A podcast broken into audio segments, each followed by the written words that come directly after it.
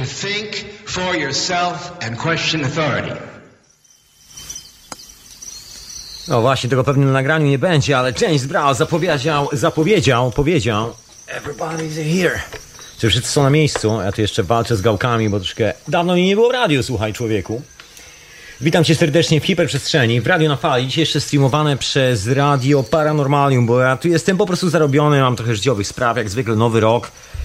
Tutaj wiesz, spędziłem parę lat y, robiąc ten projekt radiowy i czasami podczas tych lat prowadzenia tego radia odzywa się moment w życiu, że po prostu muszę siąść porobić troszkę inne rzeczy, żeby chociażby była taka spokojna możliwość, właśnie poza tym, że ustawiam właśnie mikrofon, żebym robił sobie to radio spokojnie, także muszę się zaopiekować o troszkę egzystencjalne sprawy. No wiesz, radio jest kompletnie za darmo, słuchaj. Nie ma tu żadnego biznesu. Przepraszam, ustałem mikrofon. Wiedziałem, mogłem ustawić wcześniej, no ale cóż, yy, troszeczkę jezioranów musi być. Musi być, otóż to. No właśnie, już mam ustawione, wszystko jest na miejscu. Także ja zniknąłem sobie ostatnio do organizowania spraw w ogóle życiowych, bo to wiesz człowieku, robię to radio, robię to radio, biegnę tak, biegnę przez życie, znaczy biegnę w cudzysłowiu, ale oprócz radia mam też jeszcze normalne życie jak każdy z nas, oprócz tego sobotniego spotkania. Także rozumiesz, czasami życie pochłania, myślę, że życie jest fascynujące, przynajmniej moje, nie wiem jak twoje, należy raczej do szczęśliwych ludzi, którzy są otoczeni naprawdę fantastycznymi przyjaciółmi, także wow, jest naprawdę miło człowieku i po prostu znikam czasami za mikrofonu, Także jeszcze przez parę chwil podejrzewam, ten miesiąc będzie taki trochę łapany w to i w tamto, bo jeszcze jest kilka spraw, które chcę sobie pozałatwiać, spotkać z kilkoma ludźmi. No wiesz jak to jest. Jak tak siedzę przez każdy weekend i przez każdy czwartek w, w radiu, przy mikrofonie, tu u siebie, przy stoliku, przy mikserze, no to fajnie jest się urwać czasami z tego wszystkiego. Znaczy fajnie, po prostu zdrowe jest się urwać, bo to jest troszkę tak, że no świat nie jest ustawiony w taki sposób, że wszyscy czekają na ten moment, kiedy, kiedy Tomek skończy radio i wtedy Tomek się z nami spotka. Nie, Tomek musi czasami wstać, zostawić radio i zająć się swoim e, życiem, które czasami się toczy dokładnie o tych samych porach, o których toczy się radio. Także wybacz mi, słuchaczko i słuchaczu, że mnie tu ostatnio tak nie bywało, szczególnie w czwartki, wszystkich keszystów. E, no cóż, e, nawet nie będę przepraszał, bo to nie ma za co. Mam nadzieję, że się nie zmęczyliście, tym bardziej, że dla wszystkich keszystów została odpalona taka inicjatywa, bo ja tu w ogóle w czwartek normalnie robię syntezy i syntezy wrócą. Za parę chwil ja tu jeszcze chcę sobie odpocząć, przygotować kilka rzeczy, mam trochę roboty w życiu jak zwykle, ale tak czy siak to już powoli wraca.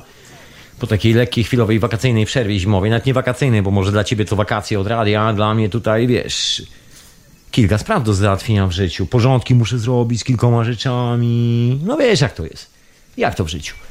I co ja chciałem powiedzieć? Właśnie przypomnieć Ci o jednej rzeczy, że jeżeli jesteś keszystą, to jest coś takiego jak technologia plazmowa, taki kanał na YouTubie i my generalnie jako grupa, kolektyw dokładnie, tak to się poprawnie nazywa, kolektyw o nazwie Go to the Forest, czyli iść do lasu, Uczymy wszystkich po drodze tego, czego się sami nauczyliśmy, dubiąc tej technologii, bo jest po prostu genialna, człowieku. Jest po prostu genialna. Anyway, tak czy siak, radio na fali nadaje akurat przez magrawy. Jeżeli ktoś ma z tym problem, ups, y, to ma przesrane, bo to kolejny przykład. No to jak działa ten świat? Wszyscy chcą mówić, że to nie działa, że to jest jakaś ściema, że to jakiś bullshit. Kurde, a mi tu radio działa na tym magrawie już y, od roku jakoś tak. Nawet ci nie będę mówił, ile prądu pożera. Jeżeli chcesz sobie obniżyć rachunki człowieku, idź y, i nie tylko rachunki, bo stoi za tym naprawdę gruba sprawa i to bardzo gruba i myślę, że jest to związane. Och, ja może dzisiaj nie będę rozwijał tego tematu, ale sprawa jest gruba i mocno śmierdzi spiskiem. Takim, y, można powiedzieć, wręcz spiskiem elit, takich pedofilskich elit, które próbują pociągać za sznurki naszego życia i próbują zawsze nas przytemperować i powiedzieć, że to się nie nadaje, to nie działa, tu jakieś delikatne grupy wpływu, wiesz, na jednych, na drugich. Ktoś tu wysyła maila, żeby przestraszyć kogoś, ktoś tu staje się nagle y, takim no nie chcę używać dzisiaj y, knajackiego, stajennego języka, no ale odsuń dzieci, odsuń dzieci od głośników. Prostu ktoś tu się e, czasami staje skurwysynem nagle i zaczyna być bardzo niemiły. Wiesz, dzieją się dziwne rzeczy dookoła, tym bardziej, jeżeli wychodzi prawda na wierzch. A prawda jest taka, że całe to radio z tej strony stoi na magrawach. Także sorry, jeżeli w to nie wierzysz, to masz przesrane, bo właśnie wyżyłeś na głupka. Anyway, Jeżeli e, chcesz się zmierzyć z tematem, ja zapraszam w ramach tego, że synteza zniknęła na razie, bo ja po prostu jestem zawalony robotą, swoimi sprawami i nie zawsze mogę zdążyć czwartek do radia, ale za chwilę będę zdążał i w ogóle będzie wieczorowa pora w czwartek i tak dalej. Ja tu sobie przygotowałem trochę tematów, tu są, wiesz, kilka fajnych, e, kilka fajnych playlist, kilka fajnych dźwięków, kilka fajnych nowych płyt. No w ogóle jest kilka, kilka ciekawych refleksji, to nie tylko związanych z Magrawem, tak w ogóle na wieczorową porę przygotowanych, żeby tutaj troszkę pogadać z tobą o różnych sprawach, które się ostatnio dzieją na świecie. Wiesz, świat się zmienia. Szczęśliwie jeszcze nie zatrzęsło tak mocno, żebym musiał się zwijać z Londynu, także bless, bless. Chwalić tą planetę, że jeszcze stoi cała i zdrowa, chociaż Kalifornia zaczyna się już niebezpiecznie przesuwać. Tam już są informacje o tym, że ten uskok San Andreas no, nie najlepiej się trzyma i generalnie parę dni temu takie potężne kry się odłączyło od Grenlandii. Widać po prostu, widać, że za chwilę może być tak, że pojawi się ten weekend, że próbujemy odpalić radio i I don't know, mam nadzieję, że radio będzie działało i że wszystko będzie ok, ale może być, wiesz, drobne zakłócenie, może mnie przelecieć samolotem, kilka innych rzeczy. Ale to na razie zostawiam ten e, katastroficzny klimat z Titanica. Właśnie, ostatnio był taki news, gdzieś trafiłem na jakieś na jakimś serwisie. Z, nie wiem, czy to nie było Coast to Coast przypadkiem. Tam czasami są takie newsy na stronie Coast to Coast. Jest takie bardzo fajne radio z Ameryki, które czasami lata temu strasznie dużo słuchałem. To jeszcze było uch, lata temu w każdym razie. Nie chcę mówić jak dawno, bo wyjdzie to, że jestem stary. Albo coś w tym stylu. Dobra, trochę jestem. Anyway. I, I była ciekawa informacja, że okazuje się, że są jakieś pogłoski, jakieś wiesz, informacje dodatkowe, gdzieś wyciekły jakieś zdjęcia, że właściwie Titanic wyleciał w powietrze, a wcale nie zatonął, coś w tym stylu. Ale I don't know, ja nie jestem specjalistą od tego. Dzisiaj poruszę troszkę taki temat, ciekawy temat dla mnie. No i taki w ogóle ciekawy dla wszystkich chyba nas, użytkowników cywilizacji. Ja tak w skrócie sobie nazwałem, że to jest takie projektowanie przyszłości a właściwie spisek paliwowy, tak mógłbym to nazwać zwyczajnie. Spisek paliwowy na tym, e, na tym pięknym e, padole, na tej pięknej planecie. No jest tak, spisek żarówkowy, wszyscy chyba doskonale znają. Ops, to moje krzesełko strzela i bardzo dobrze, niech sobie postrzela. Jeziorany są, mam tu herbatę, właśnie. Przygotuj sobie herbatę. Także dzisiaj będzie trochę o spisku paliwowym, ale zanim się rozpędzę z tymi wszystkimi opowieściami dzisiaj, to przede wszystkim chciałem pozdrowić Ciebie, mecenasko i mecenasie Radia na Fali. My szykujemy pewne drobne, jak się po angielsku mówi refurbishing, czyli drobne przemeblowanie no, na stronie rady i tak dalej, i tak dalej. Także wreszcie będę mógł Ci normalnie podziękować, bo na razie jeszcze to leży odłogiem i tutaj staramy się wepchać po prostu palce i ręce, wszystkie możliwe rzeczy, żeby to jak najszybciej pozałatwiać, po, pokończyć po prostu, zrobić. Wiesz, to jest naprawdę bardzo mała ekipa, w tym momencie jest nas dosłownie dwóch, książę Edward i ja i właściwie no, my sami robimy to radio, także jest ok, nie mam z tym absolutnie problemu. Jest to bardzo mała, mobilna, profesjonalna ekipa, która doskonale sobie radzi. Anyway, za chwilę zobaczysz efekty tego radzenia sobie i będę mógł Ci spokojnie, oficjalnie, normalnie, tak normalnie jak człowiek podziękować imiennie. Także dzięki Ci mecenasko i mecenasie za wspieranie tego projektu. Nigdzie nie zniknęliśmy, nigdzie nie znikamy. Ja uważam, że takie żywe radio dosłownie jest taką normalną refleksją, bez y, żadnych reklam, bez ciśnienia, bez, wiesz, bez kłamstw przede wszystkim. Taki normalny człowiek z drugiej strony, który z tobą rozmawia, myślę, że ma, ma to wartość człowieku. Tak jak ty masz dla mnie wartość, tak samo wartość ma dla mnie, no właśnie, taka normalność, że sobie normalnie rozmawiamy, wiesz, bez ciśnienia. I nikt nie skacze nikomu na plecy. Także dzięki wielkie za wspieranie w ogóle tej inicjatywy. Reklam dalej nie będzie, zapomnij. Także wszystko jest ok. Żadnych reklam, e, żadnych komercyjnych, e, wiesz, psychosmaniakalnych, żadnego świrowania w tą stronę. Wszystko działa. Szczęśliwie mamy parę groszy w kieszeni, e, żeby prowadzić to radio. A nawet jakbym nie miał, to i tak wytrzepię z ziemi. Także skoro 5 lat już idzie i powiem Ci szczerze, że to chyba była najlepsza decyzja w moim życiu, żeby wziąć wszystkie oszczędności, które miałem po zrobieniu wielkiej kariery, właściwie robieniu kariery, bo ja do tych ludzi, którzy pierdolnęli dosłownie karierą, kiedy właściwie drzwi kariery się otwierały. Spojrzałem na to wszystko i powiedziałem, fucking hell, co za pieprzone gówno. Nie wchodzę w ten shit. Tak czy siak byłem na jednym progu kariery i pieprznąłem to wszystko, biorąc swoją kasę w kieszeń i zawijając się do domu i relaksując się. Do mojego domu, znaczy nie mojego domu, wynajmowanego na południu Londynu. No i powiem Ci szczerze, że była to najlepsza decyzja w moim życiu. Należy do ludzi, którzy twierdzą, że esencja mojego życia to jest bycie szczęśliwą istotą, a nie bogatą istotą albo z pieniędzmi. Jeżeli mam do wyboru bycie nieszczęśliwym z pieniędzmi i szczęśliwym bez kasy, to naprawdę nie będę się długo zastanawiał, biorę śpiworek, idę pod most i będę naprawdę szczęśliwym facetem pod mostem. I to jest moja najlepsza opcja na życie. Jeżeli się komuś to nie podoba, trudno. Musi sobie chłopak radzić z tymi wszystkimi kredytami, wiesz, jak tu dogonić świat, żeby się spasować z tym wszystkim. Ja jestem trochę poza tym shitem. Przepraszam bardzo, ja tu jeszcze sobie trochę poprawię mikrofon, żeby było ok. No, już jest ok. Dobra.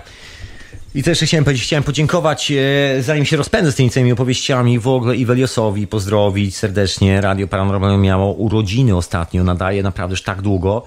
To jest taki wzór internetowego radia, można powiedzieć, które działa napędzane właściwą energią, właściwą siłą, bo jeżeli jest właściwa energia i właściwe myślenie o sobie, o świecie dookoła, to wiadomo, że projekt jedzie, bo projekt jest zawsze, ja myślę, że wszystko cokolwiek robimy reprezentacją tego, co, co my reprezentujemy jako stan swojego własnego umysłu. No jeżeli ktoś jest postrany w głowie, no to będzie miał postrane życie. Jeżeli ktoś jest poukładany, no to będzie fajnie układał te rzeczy i ludzie dookoła będą też się czuli bardzo fajnie z tym wszystkim. Taka, wiesz, normalna prawidłowość, można powiedzieć masło maślane i to takie oczywiste prawdy, a niektórzy nie chcą w to wierzyć. Nie chcą, nie chcą. To jest kwestia projektowania przyszłości, tak czy siak. Anyway, pozdrowienia serdeczne dla Iweliosa i dla Radia Paranormalium i wszystkiego najlepszego i 100 tysiąc kosmicznych lat e, dalszego nadawania. Ja tu w ogóle chciałem serdecznie podziękować i pozdrowić Grzegorza z Radia Dreamtime, który to ostatnio był w odwiedziny. Mieliśmy ciekawą wyprawę, bardzo ciekawą i Grzegorz nagrał reportaż, można powiedzieć, z tej wyprawy i to taki naprawdę niezły. Mam nadzieję, że zaraz tam rzuci linka. Ten reportaż też jest na Radiu Paranormalium, także yy, możesz sobie posłuchać. Wiesz, założyliśmy, zakładaliśmy kask, każdy po kolei, można powiedzieć, kask w technologii Cache, dokładnie zrobiony, to jest ten kask od systemu medycznego, no i mieliśmy bardzo ciekawe loty, także zapraszam serdecznie do posłuchania, jak to, jak to, jak to było na tej wyprawie. Serdecznie do Grzegorza, czas snu, Dreamtime, tam, e, tam się zaraz pojawi link, ja poproszę Grzegorz, jak możesz wkleić na czata Radia na Fali, właśnie, bo jestem na czacie Radia na Fali, już dawno nie było, to teraz obydwoma oczami patrzę w tego czata, także zapraszam serdecznie. No i co jeszcze chciałem powiedzieć? E, oczywiście zapraszam na Skype'a. Radionafali.com Jestem na Skype'ie, możesz zadzwonić, możesz się odezwać. E, odbieram telefon, odbieram, spokojnie bo to jest absolutnie live, po prostu radionafali.com. Ja mam na imię Tomek, także możesz śmiało zadzwonić, tam już e, dostaję od, od jakichś, nie wiem od kogo, zawsze mnie fascynują tacy ludzie, którzy wysyłają Tomek, mylisz się, Tomek, nie masz racji. Ja, kurwa, nie wiem, skąd są ci ludzie, że ich pogięło, czy mają w ogóle, nie wiem, kupę w głowie, czy zamiast mózgu, I don't know. Proszę mi nie wysyłać spamu, proszę mi nie wysyłać spamu, to ma być przyjemnie, miłe, a w ogóle, wiesz, nie po to życiłem człowieku karierę, żeby teraz siedzieć i robić pajaca przed, e, przed tobą z siebie jak ktoś ma ochotę na karierę, to wiesz, City jest e, troszeczkę dalej ode mnie, bardziej w centrum miasta, tam się proszę udać. Taki cwaniak ze mnie. Oczywiście, po tylu latach, o, w końcu się należy.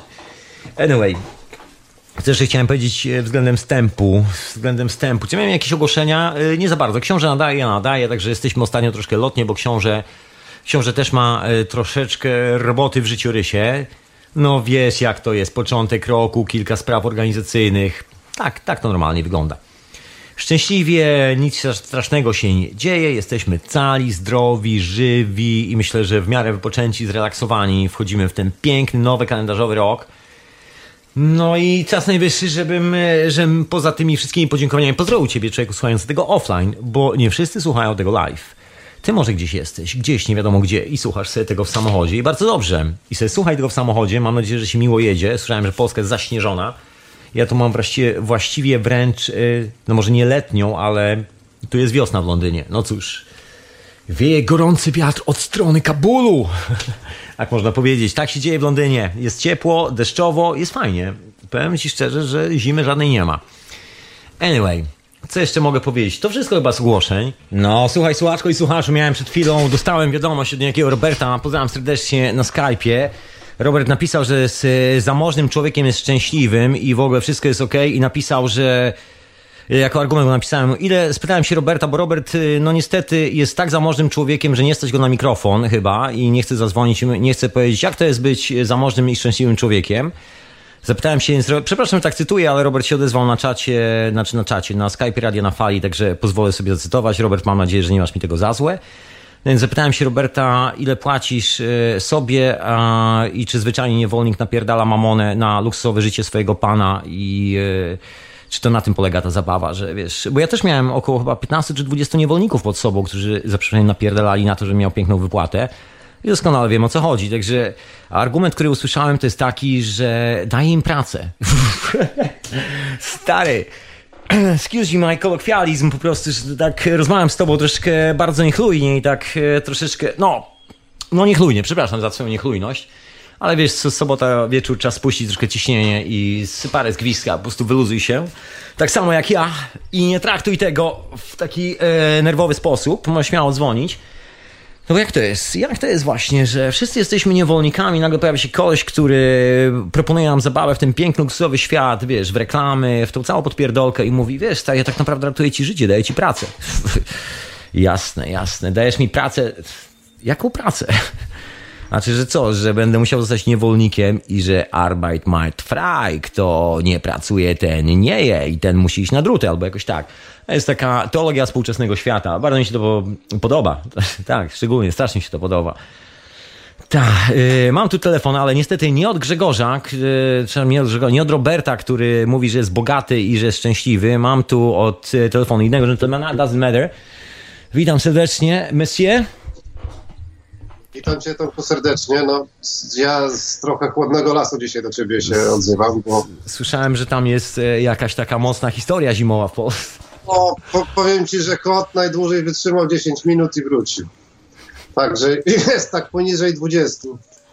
E, no, także dosyć chłodno, ale tak e, mówię, zadzwonię, podzielę się, e, co tam mm, ode mnie widać nie? Na, na ten moment. Co mam nadzieję, że żadni niewolnicy nie odgrają ci, wiesz, śniegu przed domem, a ty później nie mówisz, wiesz, ale wiesz, daj im pracę, daj im szansę. Nie, no właśnie. Ja to wolę sam wziąć łopatę do ręki i sobie zrobić. Nie, nie, nie, nie lubię, że tak powiem, wykorzystywać e, cudzej, naiwności. No ale generalnie to, e, co, co wiesz, e, dostrzegam energetycznie, że zachodzą faktycznie duże zmiany teraz. I one są odczuwalne na, no, praktycznie każdy je w jakiś sposób odczuwa. Od, odczuwa. Nie, nie wszyscy je rozpoznają jeszcze w sobie, bo w ogóle chodzą pewnie i myślą, kurde, ale co się w ogóle ze mną dzieje, nie? O co chodzi? No słuchaj, no ci e... ludzie, ci ludzie właśnie teraz dostali swoją życiową szansę, wiesz, dostali szansę, mogą, mogą dostać wypłatę i mogą wydać tą wypłatę na, na, na taką namiastkę luksusowego życia, przybliżyć się bliżej e, reklamy w telewizji, wiesz, kupić sobie lepsze mydło i lepszy szampon i... No też, też. I, I, też, no, ale też nie, nie rozumieją, dlaczego tak się dzieje, nie? No i to, to jest, e, ale no, no to, to zauważam I w sobie, że, że zaczyna się to wszystko składać. No, no, no i po prostu więcej rzeczy rozumiesz, więcej do ciebie trafia. Dokładnie, otóż to, otóż to. To jest taki klasyczny klasyczny moment zwrotny w życiu każdego z nas, kiedy rozumie, że opcja pod tytułem pan i niewolnik oraz pan, który mówi, ale przecież ja ci daję szansę, daję ci szansę, żebyś się bawił tą całą cywilizację, będziesz e, zapieprzał całe życie, będziesz harował jak niewolnik, wiesz, ja dzięki temu pojadę na piękne wakacje na tereny Teneryfy albo gdzieś tam, będę szczęśliwym, zamożnym człowiekiem, który daje ci szansę. Ja zawsze się pytam, czy twój niewolnik zarabia dokładnie tyle samo, ile ty? Ale poczekaj, bo jeszcze Zawsze oficjalnie... podstawowe pytanie. Oficjalnie jeszcze ogłoszą w każdej telewizji, że wiesz, w zasadzie dług już jest tak duży, że nawet twoje dzieci tego nie spłacą. Dokładnie, jakże cała ta zabawa to jest, no to jest taki mocny dowcip, bo właśnie na czym polega zapraszanie ludzi do tej e, patologicznej zabawy? Na to, żeby się chodzi tylko o to, że ten człowiek już właściwie nie spędzi czasu z dziećmi, nie spędzi czasu z rodziną. Inna sprawa, że wiadomo, że ludzki pan nie da mu takiej zapłaty jak sobie, także o ile właściciel takiej firmy zawsze jedzie na wakacje, to pracownik musi zapieprzać i argument jest taki, no ale wiesz, ja tu jestem właścicielem tej firmy, ja tu robię, no... Tak, to był mój pomysł. Wiesz, ja nie chcę tego jakby kontynuować tego tematu, bo to jest smutny temat. Ja sam byłem e, w życiu właścicielem paru niewolników e, przez jakiś czas i doskonale, doskonale to pamiętam. Wcale nie mam takiej kiepskiej pamięci. Pomimo, że bardzo lubię palić jointy, doskonale pamiętam ten moment, doskonale. I wcale nie zamierzam do tego wracać. To był taki przykry moment, kiedy kiedy widziałem faceta, który zapieprza jak dziki osioł, na mnie zapieprza i zostaje po godzinach i tak dalej. Ja tak zostawałem czasami po godzinach, tak żeby, wiesz, dodać mu otuchy, ale widziałem, że prawda jest taka, że jak gówno robię, właściwie jestem poganiaczem bydła tak naprawdę, tak jest prawda. Mam staw 20 ludzi, poganiam bydło. I normalne jest to, że jak coś się sypie, to ja nie robię nic, tylko ja idę do kolesia, który mówi, no ej, ej, tutaj wiesz, potrzebuję, tu mamy deadline, tu coś tam. Wiesz co chodzi. Wszystkie tego typu rzeczy. Także przerobiłem tą drogę, wydaje mi się, od początku do końca i nabrałem, wydaje mi się, takiego zdrowego rozsądku w głowie. Zobaczyłem w drugim człowieku nie swojego niewolnika, który ma zrealizować moją wizję pięknego, luksusowego szczęścia, zapierdalając na mnie w pocie i czole i znoju. Tylko zobaczyłem, że to ja właściwie robię to swoje życie. I naprawdę nie chcę tutaj mieć dookoła niewolników. Chcę mieć przyjaciół, chcę mieć pięknych ludzi, którzy są na równych partnerskich układach ze mną i to wszystko. I nikt nie jest sobie nic winien. I nikt nie musi wstawać o godzinie 7 rano, żeby zapieprzać gdzieś do pracy, robić coś, bo ktoś sobie coś wymyślił. Prawda jest taka, że jest taki niewolniczy system. On musi pójść do pracy, bo z kolei przyjdzie do niego inny koleś, który też ma szefa nad sobą, albo też jest jakimś szefem i też mówi, że ludziom daje szansę i mówi, stary, jak mi nie zapłacisz podatku, to ja nie zapłacę swoim ludziom, wiesz, to, to moi niewolnicy nie zarobią pieniędzy, moi niewolnicy umrą z głodu, także przepraszam cię bardzo, muszę cię aresztować, bo nie płacisz podatków i moi niewolnicy nie mają z czego żyć. Przede wszystkim ja nie mam za to kupić sobie samolotu. No, to tak, to, to mogę potwierdzić, że wie, mm, już jak rozpoznasz, jak działa ten system, to już zaczynasz... Słaba przyjemność, słaba przyjemność na każdym kroku widzisz, jak, jak on, e, że tak powiem, te swoje macki tam rozsyła i wszyscy powolnie, nie kwestionując, to znaczy nie wszyscy, no część jest takich, co im zaczyna już coś świtać w głowie, że chyba coś tutaj nie gra. Co, ja miałem taką ciekawą rozmowę. Mhm. Miałem taką ciekawą, tak tylko rzucę taki wątek. Miałem bardzo ciekawą taką rozmowę tu prywatnie, zresztą książę Edward poruszał ten temat u siebie w, w etykiecie temat Brazylii. No bo jako fotograf musiał tam robić zdjęcia, taka praca go trwała. Robił zdjęcia na tej olimpiadzie w Brazylii. No i tak miał chwilę czasu, żeby się przyjrzeć temu Rio de Janeiro, czy gdzie, czy, czy, przepraszam, czy tam gdzie był. No i tak, taka refleksja była, że troszkę smutne. No smutne miejsce i mieliśmy taką, taką tak się zaczęliśmy zastanawiać, z, rozmawiając ze sobą, kto ma tak naprawdę frajdę z jeżdżenia do takich miejsc. Wiesz co bo jest masa zamożnych ludzi, właściwie większość tak zwanych zamożnych w cudzysłowie, czyli ludzi, których stać na to, żeby wyjeżdżać na wakacje częściej niż raz w roku, bo właściwie tego się to dotyczy, że ty nie musisz harować, że inni harują na ciebie. Wybiera się w takie egzotyczne raje, ogląda te egzotyczne raje, wracają, pokazują zdjęcia, wiesz, są super, hiper i tak dalej. Wiesz o czym mówię, takie po prostu wakacje, żeby się przypadkiem nie spocić za bardzo, kiedy zapieprza za ciebie stado niewolników, bo ty się strasznie pocisz, kiedy oglądasz ich w pracy. No i, i wracając z tych wakacji i tak zadowoleni, szczęśliwi, jak pięknie było w Rio de Janeiro. Miałem takiego gentlemana, miałem nawet paru, który mówi, ach, e, wiesz, Brazylia, niesamowite miejsce. No i Edek wrócił z Brazylii mówi, fucking hell, to było takie, wiesz, jak wizyta w obozie koncentracyjnym, gdzie zastanawialiśmy, jak trzeba mieć wykręconą psychikę, tak mocno wykręconą, żeby lądując w środku obozu koncentracyjnego mieć satysfakcję z tego, że dookoła masz stado niewolników, które musi zapieprzać na ciebie, bo jeżeli ten koleś albo ta pani w hotelu nie złoży tej serwetki dla ciebie w, w, tak wykwintny wzorek, że ty w ogóle nawet nie wiesz, jak ona to zrobiła. To jest w ogóle szok. W Europie nikt tego nie robi. A ta pani musi to zrobić, bo jak tego nie zrobi, to nie zostawisz jej na piwku 10 dolarów i jej rodzina będzie zdychała z głodu, bo tyle, ile ona zarabia w tym hoteliku, w tym pięknym hoteliku, gdzie przylatują piękni, biali ludzie, którzy mają hollywoodzki uśmiech i mówią, że mają cudowne, szczęśliwe, że, że szczęście innym ludziom w życiu. Ciekawe, ciekawy konformizm, bardzo ciekawy, taki patologiczny troszkę konformizm moim zdaniem. Oni zostawiał ten, te 10 dolarów i te 10 dolarów powoduje, że ten człowiek może przetrwać, bo tam już nie, on nie napije się wody z rzeki, bo tam stoi fabryka, która należy do kumpli tego człowieka, który tam przyjeżdża na wakacje i tak dalej, i tak dalej. Woda jest zatruta. Wiesz, cały ten e, mechanizm przyczynowo-skutkowy, ja nie chcę tu rozwijać tego tematu, bo na dzisiaj mam taki konkretny temat pod tym spisek paliwowy, który jest właśnie związany z tą percepcją świata, jak my sobie myślimy, jak wiesz, fajnie jest, jak jak sobie tak w takim dualizmie w ogóle funkcjonujemy, że wiesz, fajnie jest mieć kasy, luksusowy samochód, fajnie jest jak niewolnicy nas pracują, ale pod warunkiem, że nie nazywamy ich niewolnikami. Ja miałem takie rozmowy bardzo często tu w Londynie, gdzie pracowałem, robiłem karierę nie tylko tu w Londynie i yy, wiesz, takie spotkanie ludzi z kasą, którzy zaczynają rozmawiać o tym, jak jest pięknie, jest fantastycznie, gdzie spędzają wakacje. Ja tak się zastanawiam, fucking hell, przecież jestem w środowisku psychopatów Powiem którzy odwiedzają obozy koncentracyjne i mają satysfakcję z tego, że siła robocza zapierdala na ich szczęście. I po prostu oni nie widzą e, wiesz, emocji tych ludzi, którzy na nich pracują, mają to w dupie. Oni są w obozie takim, wiesz, specjalnie dla bogatych ludzi, ogrodzeni drutem i wiesz, Ma być luksus. Tak, ale to, to całe szczęście ich trwa do momentu, dopóki nie uzyskają świadomości, w czym uczestniczą. Mam nadzieję, że szybko się obudzą i szybko utrzymają tę świadomość, bo wiesz, argument pod tytułem, który mi tu kolega Robert podesłał, że on jest dobrym człowiekiem, bo daje możliwość bycia niewolnikami jeszcze większej ilości ludzi, jest takim słabym argumentem moim zdaniem. Niestety kolega y, nie ma odwagi, żeby zadzwonić. Ja bym chętnie chciał porozmawiać, bo jest to konkretna rozmowa na konkretne argumenty. Jeżeli są tacy ludzie, którzy czują się szczęśliwi, y, gnojąc innych ludzi za kasę, przynajmniej w mojej opinii, jeżeli ja się mylę, to chciałbym spokojnie usiąść i porozmawiać. Miałem jakąś taką rozmowę z takim gentlemanem tu w Londynie, z dwoma właśnie takimi gentlemanami. Było to na takiej imprezie zorganizowanej, bardzo ekskluzywnej imprezie zorganizowanej przez jedną z, taką, z takich bardzo, jak się nazywa pan to jest Vivian Westwood. Y, to była impreza zorganizowana przez Vivian Westwood. To jest taka projektantka, która za każdy projekt bierze tyle, że się w głowie nie mieści. Zapieprza na nią stado paru, no nie wiem, 20 niewolników, którzy pracują i cokolwiek Vivian Westwood sobie wymyśli. Robi taką kreskę na papierze, rzuca kartkę i mówi, to ma być gotowe na jutro. Jak nie, to jesteś zwolniony. No, rozumiesz, nie wiadomo co masz robić, ma być fajne. Wiesz co chodzi.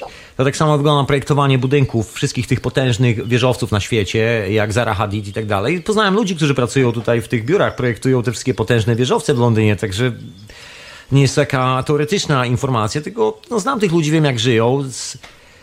Smutne jest to życie, powiem Ci szczerze. Życie, bieganie za kredytem, za kasą, pracuje się 12 godzin na dobę i wygląda to tak, że przychodzi wielki projektant Zara Hadid do, do biura, na mocnym kacu, bo właśnie wczoraj piła, z, dużo piła z merem Londynu. Jest na takim kacu, że głowa ją boli, nienawidzi wszystkich.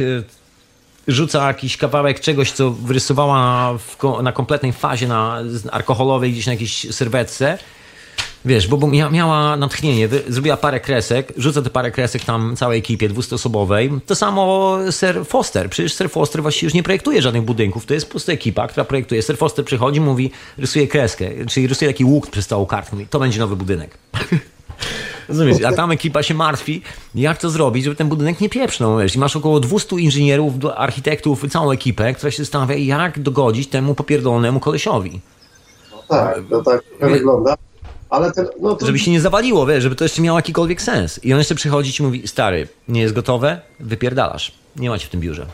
Dosłownie tak się rozmawia to, to w pewnych momentach. To, już, to oczywiście to jest, jest rozmowa prywatna, to nie jest przy ludziach, bo przy ludziach nie możesz użyć takich słów, ale normalnie szef cię bierze na bok i mówisz i mówi dokładnie takim językiem. I stary, what the fuck? Rozumiesz? I to jest koniec rozmowy. No tak. I to jest ale... dawanie szansy niewolnikom ja bym się skupił bardziej na, na czymś innym, bo to nie mamy co przeżywać tego, że ten system jest taki, jaki Dokładnie. Jest, bo, bo no taki jest, no i też wszystkich nie uświadomimy, bo, bo nie uświadomimy. Nie, to ja myślę, że każdy z nas sam musi to dostrzec, sam musi dostrzec tą cudowność, kiedy musi dostrzec, jak, jak wyglądają sobie oczy kobiety w trzecim świecie, która służy jako jego służąca w hotelu i niech wyciągnie banknot 20-dolarowy i jej da do ręki i niech zobaczy jej minę i dowie się wszystkiego na temat, ile jest wart. Ile, ile całe to jego bogactwo, całe te szanse, które myśli, że stwarza ludziom, ile to jest warte. Dowie się bardzo szybko, jeżeli nie jest ślepy. Ale z reguły ci kolesie nie, nie, nie, nie lubią spotykać sprzątaczek. Wiesz, oni zostawiają te banknoty. Wiesz, banknoty się zawsze zostawia po prostu sprzątaczce, bo nie chcesz jej spotkać, bo to jest gorszy, gorszy sort człowieka oczywiście. Wiesz co chodzi. Jej nie zaprosisz na swoje urodziny. No nie wiem akurat. Prosta rzecz, nie? Taki, wiesz, taki prosty myk, prawda? Czasami mamy problem, żeby złapać takie proste rzeczy. Ja dzisiaj chcę opowiedzieć o takiej prostej rzeczy, z, właśnie o spisku paliwowym, bo było o spisku żarówkowym. E, to czasem, no to, wiesz, spisek paliwowy poruszył. Ja to jedną myśl, bo tak a propos, się wkręcamy dalej w ten system, ale tak sobie pomyślałem, że jak to by było e, dla zdrowia dobrze, jakby więcej ludzi paliło tą trawkę, dlatego że po trawce nie wziąłby do niczego, co by mu nie smakowało, więc kupa chemii by od razu odpadła. jako, słuchaj, jako... Choćby jedząc lepsze rzeczy, bo Otóż to. byle czego nie zjesz, jak zapalisz trawki, bo nie. Jest, to nie smakuje. Jaki syf. Nie, tak, absolutnie tak zapalisz, mówisz, o dobre, dobre, co to mogę zjeść? Chcę jako ponad 20-letni użytkownik regularny kanabis, bo ja nie jestem użytkownikiem niedzielnym kanabis, absolutnie. Jeżeli ktoś myśli, że ja palę tylko w weekend, to naprawdę się grubo myli. Bardzo grubo, bardzo grubo. Naprawdę uważam, że jeżeli akurat nie masz nic specjalnego do roboty, jest piękny ranek, jest pie piękny, pięknie się czujesz i tak dalej i masz na to ochotę, to powinien zacząć dzień od jointa i to wcale nie jest nic złego. I jest to fajne. Jeżeli nie robisz nikomu krzywdy, wszystko jest ok. I akurat należy do tych ludzi, którzy w wieku 17 lat wyhodowali swoje własne rośliny, także chyba zdaje się, czy jakoś tak. Po... Także mam ze sobą ponad 20-letnią praktykę grubą. Także. Ale to potwierdziło moją wewnętrzną teorię, że wiesz, że marihuana zdrowotnie może też działać. No.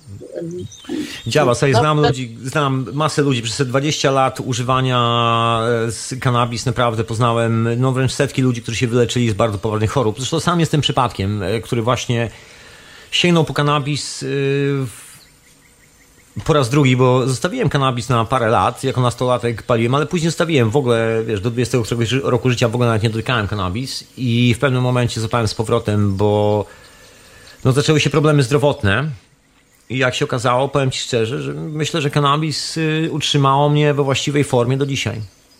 Gdyby nie to, wylądowałbym y, być może na cmentarzu. Ale tu nie chcę opowiadać takich drastycznych historii. To jest historia mojego życia, także no nie być może, tylko wylądowałbym na cmentarzu, bo to nie ma być może. Tak mi mówili lekarze. Także jestem szczęśliwy tym, który nie wylądował na, yy, na cmentarzu. I używam dalej kanabis. I dalej nie lubię, jak niewolnicy na mnie pracują. I, rozumiesz, nie widzę w tym żadnej satysfakcji. Absolutnie żadnej. Nie rozumiem, właśnie dziwi mnie, wiesz, ta patologia, że ktoś, w ogóle ten argument, chciałbym, żeby się odezwał tutaj gentleman, który się przedstawia jako Robert, słucha radia na fali, lubi bardzo komfortową atmosferę, lubi też tak samo pomyśleć jak ja, tylko jedyna różnica między nami polega na tym, że on wierzy w to, że że robiąc ludzi niewolników daje im wolność, a ja wierzę w to, że rozpuszczając wszystkich samopas i puszczając sam się samopas, yy, daje ludziom wolność. Także to są takie jakby dwa skrajne punkty widzenia. Inna sprawa, że prawdę mówiąc, to radio, radio na fali nigdy nie było sponsorowane przez bardzo bogatych ludzi. Także jeżeli chodzi o przejmowanie inicjatywy, budowanie społeczności, dzielenie się czymś, to ja w życiu nie spotkałem bogatych ludzi, którzy by się czymś dzielili.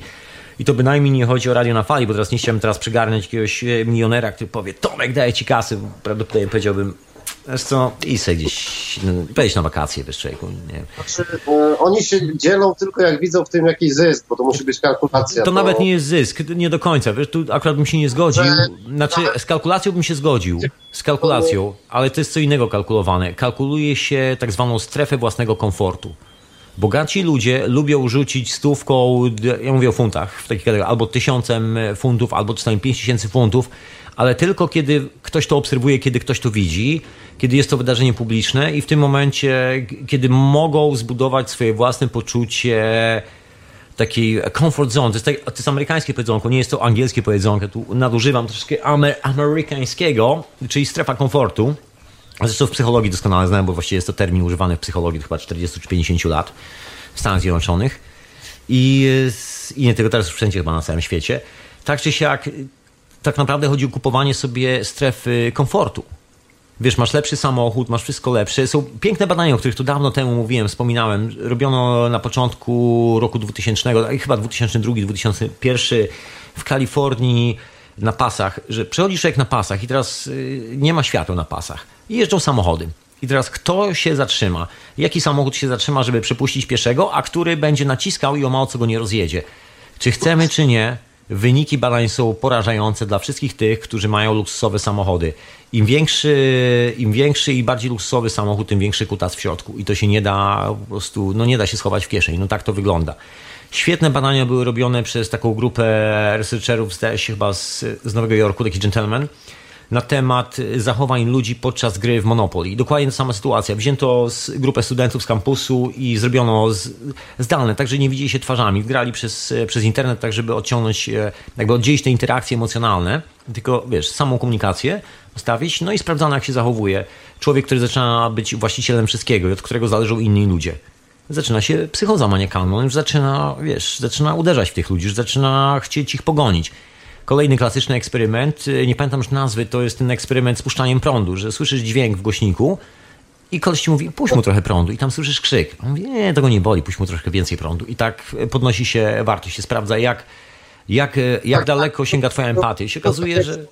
Jak, na ile może się posunąć jeden człowiek w zadawaniu tam bólu drugiemu. Dokładnie. Wiesz, i numer polega na tym, że ci, którzy przeskakują tą barierę są, ja tu Robert będę pił do ciebie, bo się odezwałeś do mnie, nie chcesz zadzwonić, ale wywołałeś bardzo ciekawy temat, który jest, e, dziękuję za ten temat. Jako zamożny człowiek myślę, że fajnie ci będzie tego słuchało i myślę, że wniesiesz coś do swojego życia z tej mojej gadki. Mam nadzieję, a może i nie, a może po prostu jestem takim, wiesz, e, bęctwa, który za dużo myśli na swój temat. W każdym razie, anyway, wygląda tak, że w pewnym momencie ludzie zaczynają sobie wymyślać powód, dla którego mordują innych ludzi. To jest y, związane z każdą wojną, z każdym konfliktem zbrojnym, bo to jest dokładnie ta sama sytuacja, która jest w Monopoly, że ktoś mówi, ale to tylko gra, to tylko gra, oddaj mi swoje wszystkie pieniądze.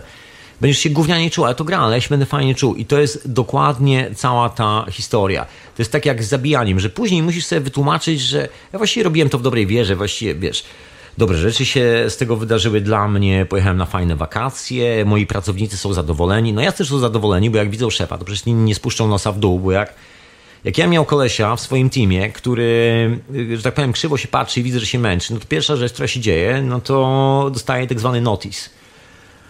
Jeżeli dalej przychodzi krzywy, niezadowolony, to biorę go na rozmowę i rozmowa brzmi tak: Słuchaj, e, Johnny, wiesz, e, psujesz atmosferę w teamie, nie widzę radości, entuzjazmu z twojej strony. Tutaj pomyśl nad tym, wiesz, robimy fajny projekt, e, dobrze było, żebyś, wiesz, poczuł się fajnie.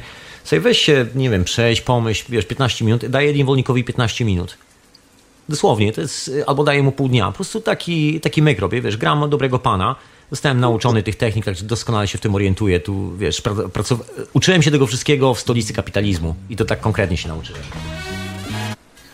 I, I mówię, słuchaj, weź sobie wolne pół dnia, jutro przyjdź jak się wyśpiesz, nie śpiesz, nie śpiesz rano do pracy, naprawdę, wiesz, robisz siebie ludzkiego pana. I zostawiam go w tej sytuacji i e, stary, wiesz, ale pomyśl o tym, bo robimy fajny projekt, fajnie, byśmy się fajnie czuli, jak go zrobimy, to wiesz, firma zarobi dużo pieniędzy, może będzie premia. Nie mówię, że będzie premia, mówię, że może będzie. Przecież wiem, że dam, nie dam mu premii, bo jestem skurwysynem i pracuję na siebie, taka jest prawda. To ja pojadę ze swoją laską na wakacje, a nie on. Mu pokażę, yy, mu, mu dam e, stanowisko menedżerskie, nic mnie to nie kosztuje. Rozumiesz? Poza tym, że będzie miał większą odpowiedzialność, będzie jeszcze bardziej strał ze strachu pod siebie, żeby nie wylecieć. Także będzie jeszcze lepszy i szybszy w robocie, jeżeli ma takie predyspozycje, jeżeli jest y, niewolnikiem z urodzenia. No i jeżeli on jest dalej nieuśmiechnięty następnego dnia i bo zrozumiał to, że jest niewolnikiem, no to ja go biorę na rozmowę mówię, wiesz co stary, psujesz mi atmosferę w teamie. To nie jest, wiesz, ciężko idzie ten projekt, mam naprawdę ciężkiego klienta. To nie jest tak, że man, po prostu, no nie cieszysz się, nie, nie, nie widzę entuzjazmu w tobie, to niszczy naszą robotę, wyjdź stąd. Jesteś zwolniony. I tak to wygląda. Dlatego każdy, kiedy widzi właściciela, się uśmiecha. To jest fenomen, y, bo poznałem wielu właścicieli bardzo dużych biznesów. Y, czasami mowa jest o dosłownie, wiesz, już nie wiem ilu tysiącach ludzi, 20-30 tysięcy ludzi do zarządzania. To są duże biznesy, takie globalne już raczej. Poznałem dżentelmenów, którzy pracują dla Apple'a. Akurat należałem, się pochwalę, należałem do tych szczęśliwców albo nieszczęśliwców, którzy zanim wyszedł iPad, tak oficjalnie na rynku, ja tego iPada dwa tygodnie wcześniej, zanim w ogóle świat cokolwiek wiedział i zobaczył w ogóle zdjęcia tego urządzenia. Znaczy nie, zdjęcia już były. Zdjęcia pierwsze już były, już wszyscy wiedzieli, że jest coś takiego i że wy, wychodzi, ale nikt jeszcze nie widział tego urządzenia. Ja je miałem w rękach, tu w Londynie testowaliśmy. I rozmawiałem z panami, którzy. No miałem kontakt z panami, którzy pracowali dla firmy Apple i wiesz, Dolina Krzemowa i tak dalej, bo to, tam jest dużo ludzi z Anglii w ogóle, takich bardzo zdolnych ludzi z Anglii, którzy nie robili kariery w Anglii, bo w Anglii z powodu urodzenia no, nie zostaną nigdy menedżerami, za mała szkoła, nie mają, wiesz, ser przed nazwiskiem. Więc w pewnym momencie się zawinęli do Stanów, zrobili karierę w Dolinie Krzemowej i też zostali właścicielami niewolników, bo mieli taką ambicję, żeby być właścicielami niewolników. No i były takie bardzo ciekawe rozmowy, jak w ogóle wiesz, jak się pracuje, jak to w ogóle wygląda, jak e, tak naprawdę się zachowuje ten cały management o nazwie Steve Jobs, że to jest po prostu kawał kutasa i że to nie jest tak, że ty robisz fajną robotę, tylko to jest tak, że ty naprawdę musisz kochać tą robotę. Jeżeli nie kochasz tej roboty i nie pokazujesz swojego entuzjazmu, to następna rzecz, która się dzieje w twoim życiu, dokładnie 5 minut po tym, jak twój szef zauważy, że tego entuzjazmu jest niewystarczająco, to cię już nie ma w tej firmie. I koniec po piosenki. I to nie, nie ma to tamto, nie ma tak, że ktoś się będzie oglądał, są duże pieniądze, wiesz, dla wielu ludzi obietnica pięknego, zdrowego życia i tak to wygląda. Także no ja bym chciał, chętnie usłyszeć spotkać jakiegoś zamożnego, bogatego człowieka, który daje pracę innym i, i jest tego szczęście, radość, bo później, pamiętam, wyszła ta historia, kto składa te iPady i, i jak żyją ci ludzie w Chinach, w tej fabryce, która jest ogrodzona drutem kolczastym i oni wszyscy mieszkają jak w fabryce Forda i wszyscy zapieprzają za pensję głodową. To jest. I efekt jest taki, że skala samobójstw jest po prostu potworna. Okazało się, że fabryka nie jest w stanie funkcjonować. To dlatego wy, wyszły te informacje na wierzch, bo okazało się, że fabryka nie jest w stanie funkcjonować. Po prostu ludzie, inżynierowie zaczynają popełniać samobójstwa. Po prostu nie działa. I to wyszło na wierzch. Nagle się okazuje, że shit, yy, kupujesz maszynę, która, za którą płacisz naprawdę niezłą kasę, wiesz, tam kosztuje prawie pół tysiąca funtów, a człowiek, który właściwie powinien dostać połowę z tego, minimum, właściwie dostaje pół dolara z tego i musi za to przeżyć. I normalne jest to, że jak przestanie pracować w tej fabryce, to już po nim. Także chodzi o to, żeby cię uwiązać, dać ci fajną obietnicę przyszłości, ty w tym momencie się wpieprzasz w kredyty, wpieprzasz się w płatności i w tym momencie już można tobą grać, bo jesteś uwiązany na całego. Także taka dosyć zabawa, powiedziałbym, do jednej bramki. Jakby słabo, słabo to widzę. Naprawdę słabo to widzę. Tylko, że wiesz, no nie mam co narzekać, no bo to większość teraz jest ludzi w takiej sytuacji ale też, e, że tak powiem, budzi się i widzi, że, że to nie gra. No i, no i tutaj dla nich jakieś trzeba rady dać, jak sobie radzić na co dzień z, z taką sytuacją. bo, bo wiem, że nie jest lekko, bo widzisz, wiesz, nawet już czujesz, że w tych e, musisz przebywać e, w tych energiach, e, które powstają wśród takich ludzi, którzy myślą w określony sposób i tak dalej.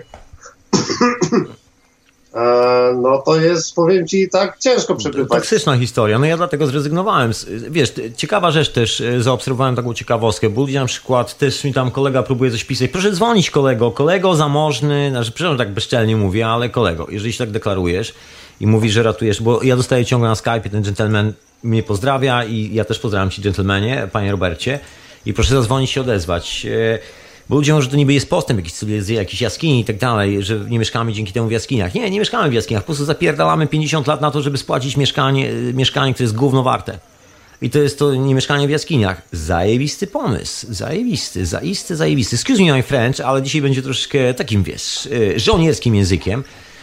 I jest taka ciekawostka, bo ja się dowiedziałem tego od gentlemanów z Apple'a, właściwie nie tyle z Apple'a, bo Apple jest mądrą firmą i rzeczy nie robią się w firmie Apple, tylko firma Apple wykupuje. Tak jak każda duża firma, bo to nie chodzi tylko o firmę Apple, y, akurat mam ich telefon, mam ich urządzenia, także wiem, od, znam ich sprzęt. I to nie jest tylko jedna firma, bo to były wszystkie firmy. Microsoft, Google, wszystkie potężne firmy, łącznie z Benningiem, łącznie z General Electric, łącznie z każdą firmą samochodową jeżeli pojawia się jakieś rozwiązanie technologiczne, to z reguły rozwiązanie pojawia się w małych firmach, gdzie ludzie wspólnie pracują nad tym, dzielą się wspólnie razem kasą.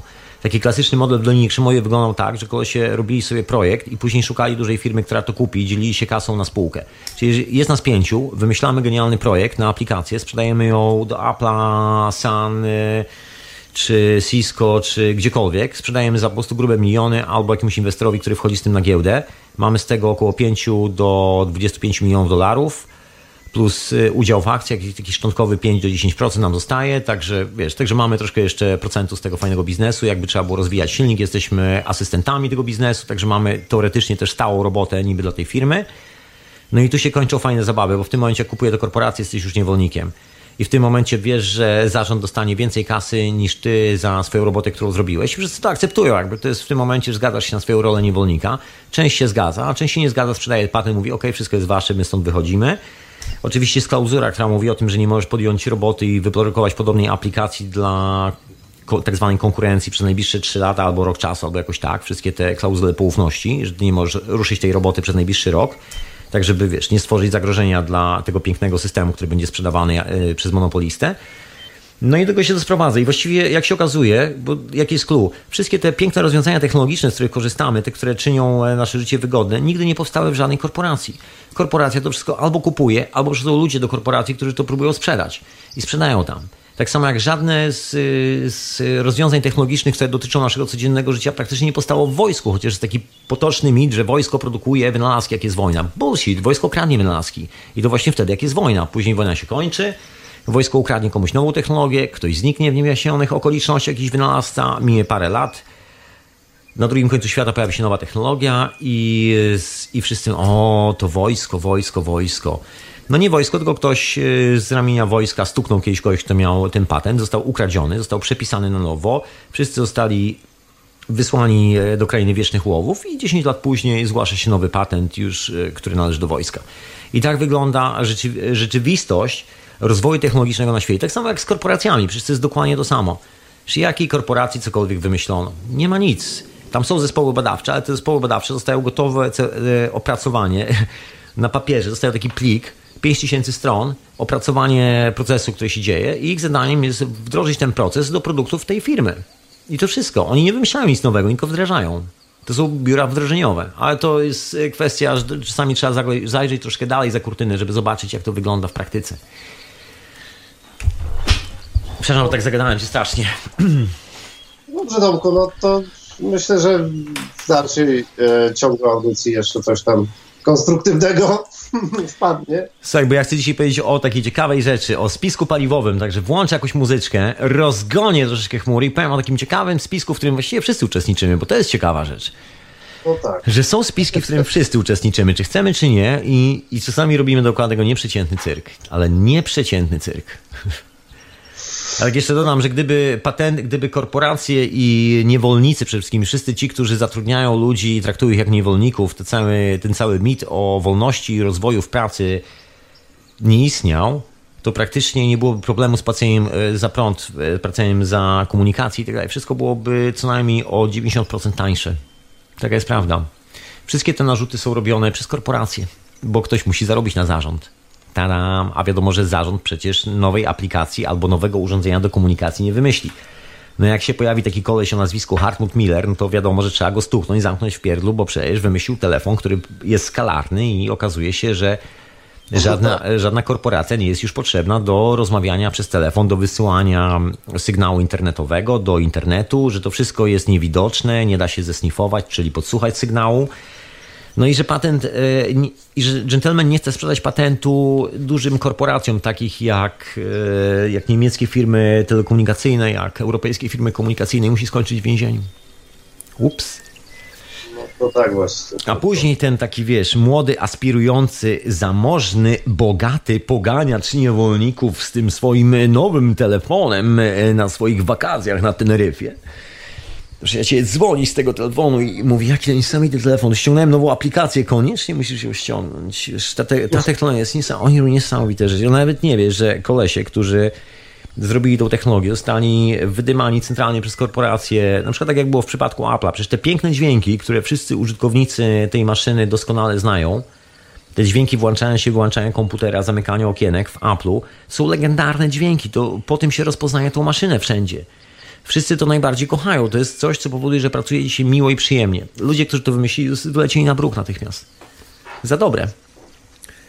I z wilczym biletem wylecieli, także jedyna opcja, która im została, to założyć własną firmę. Założyli własną firmę, bo z, y, nie, było, nie było innej możliwości. Zostali wykopani na bruk.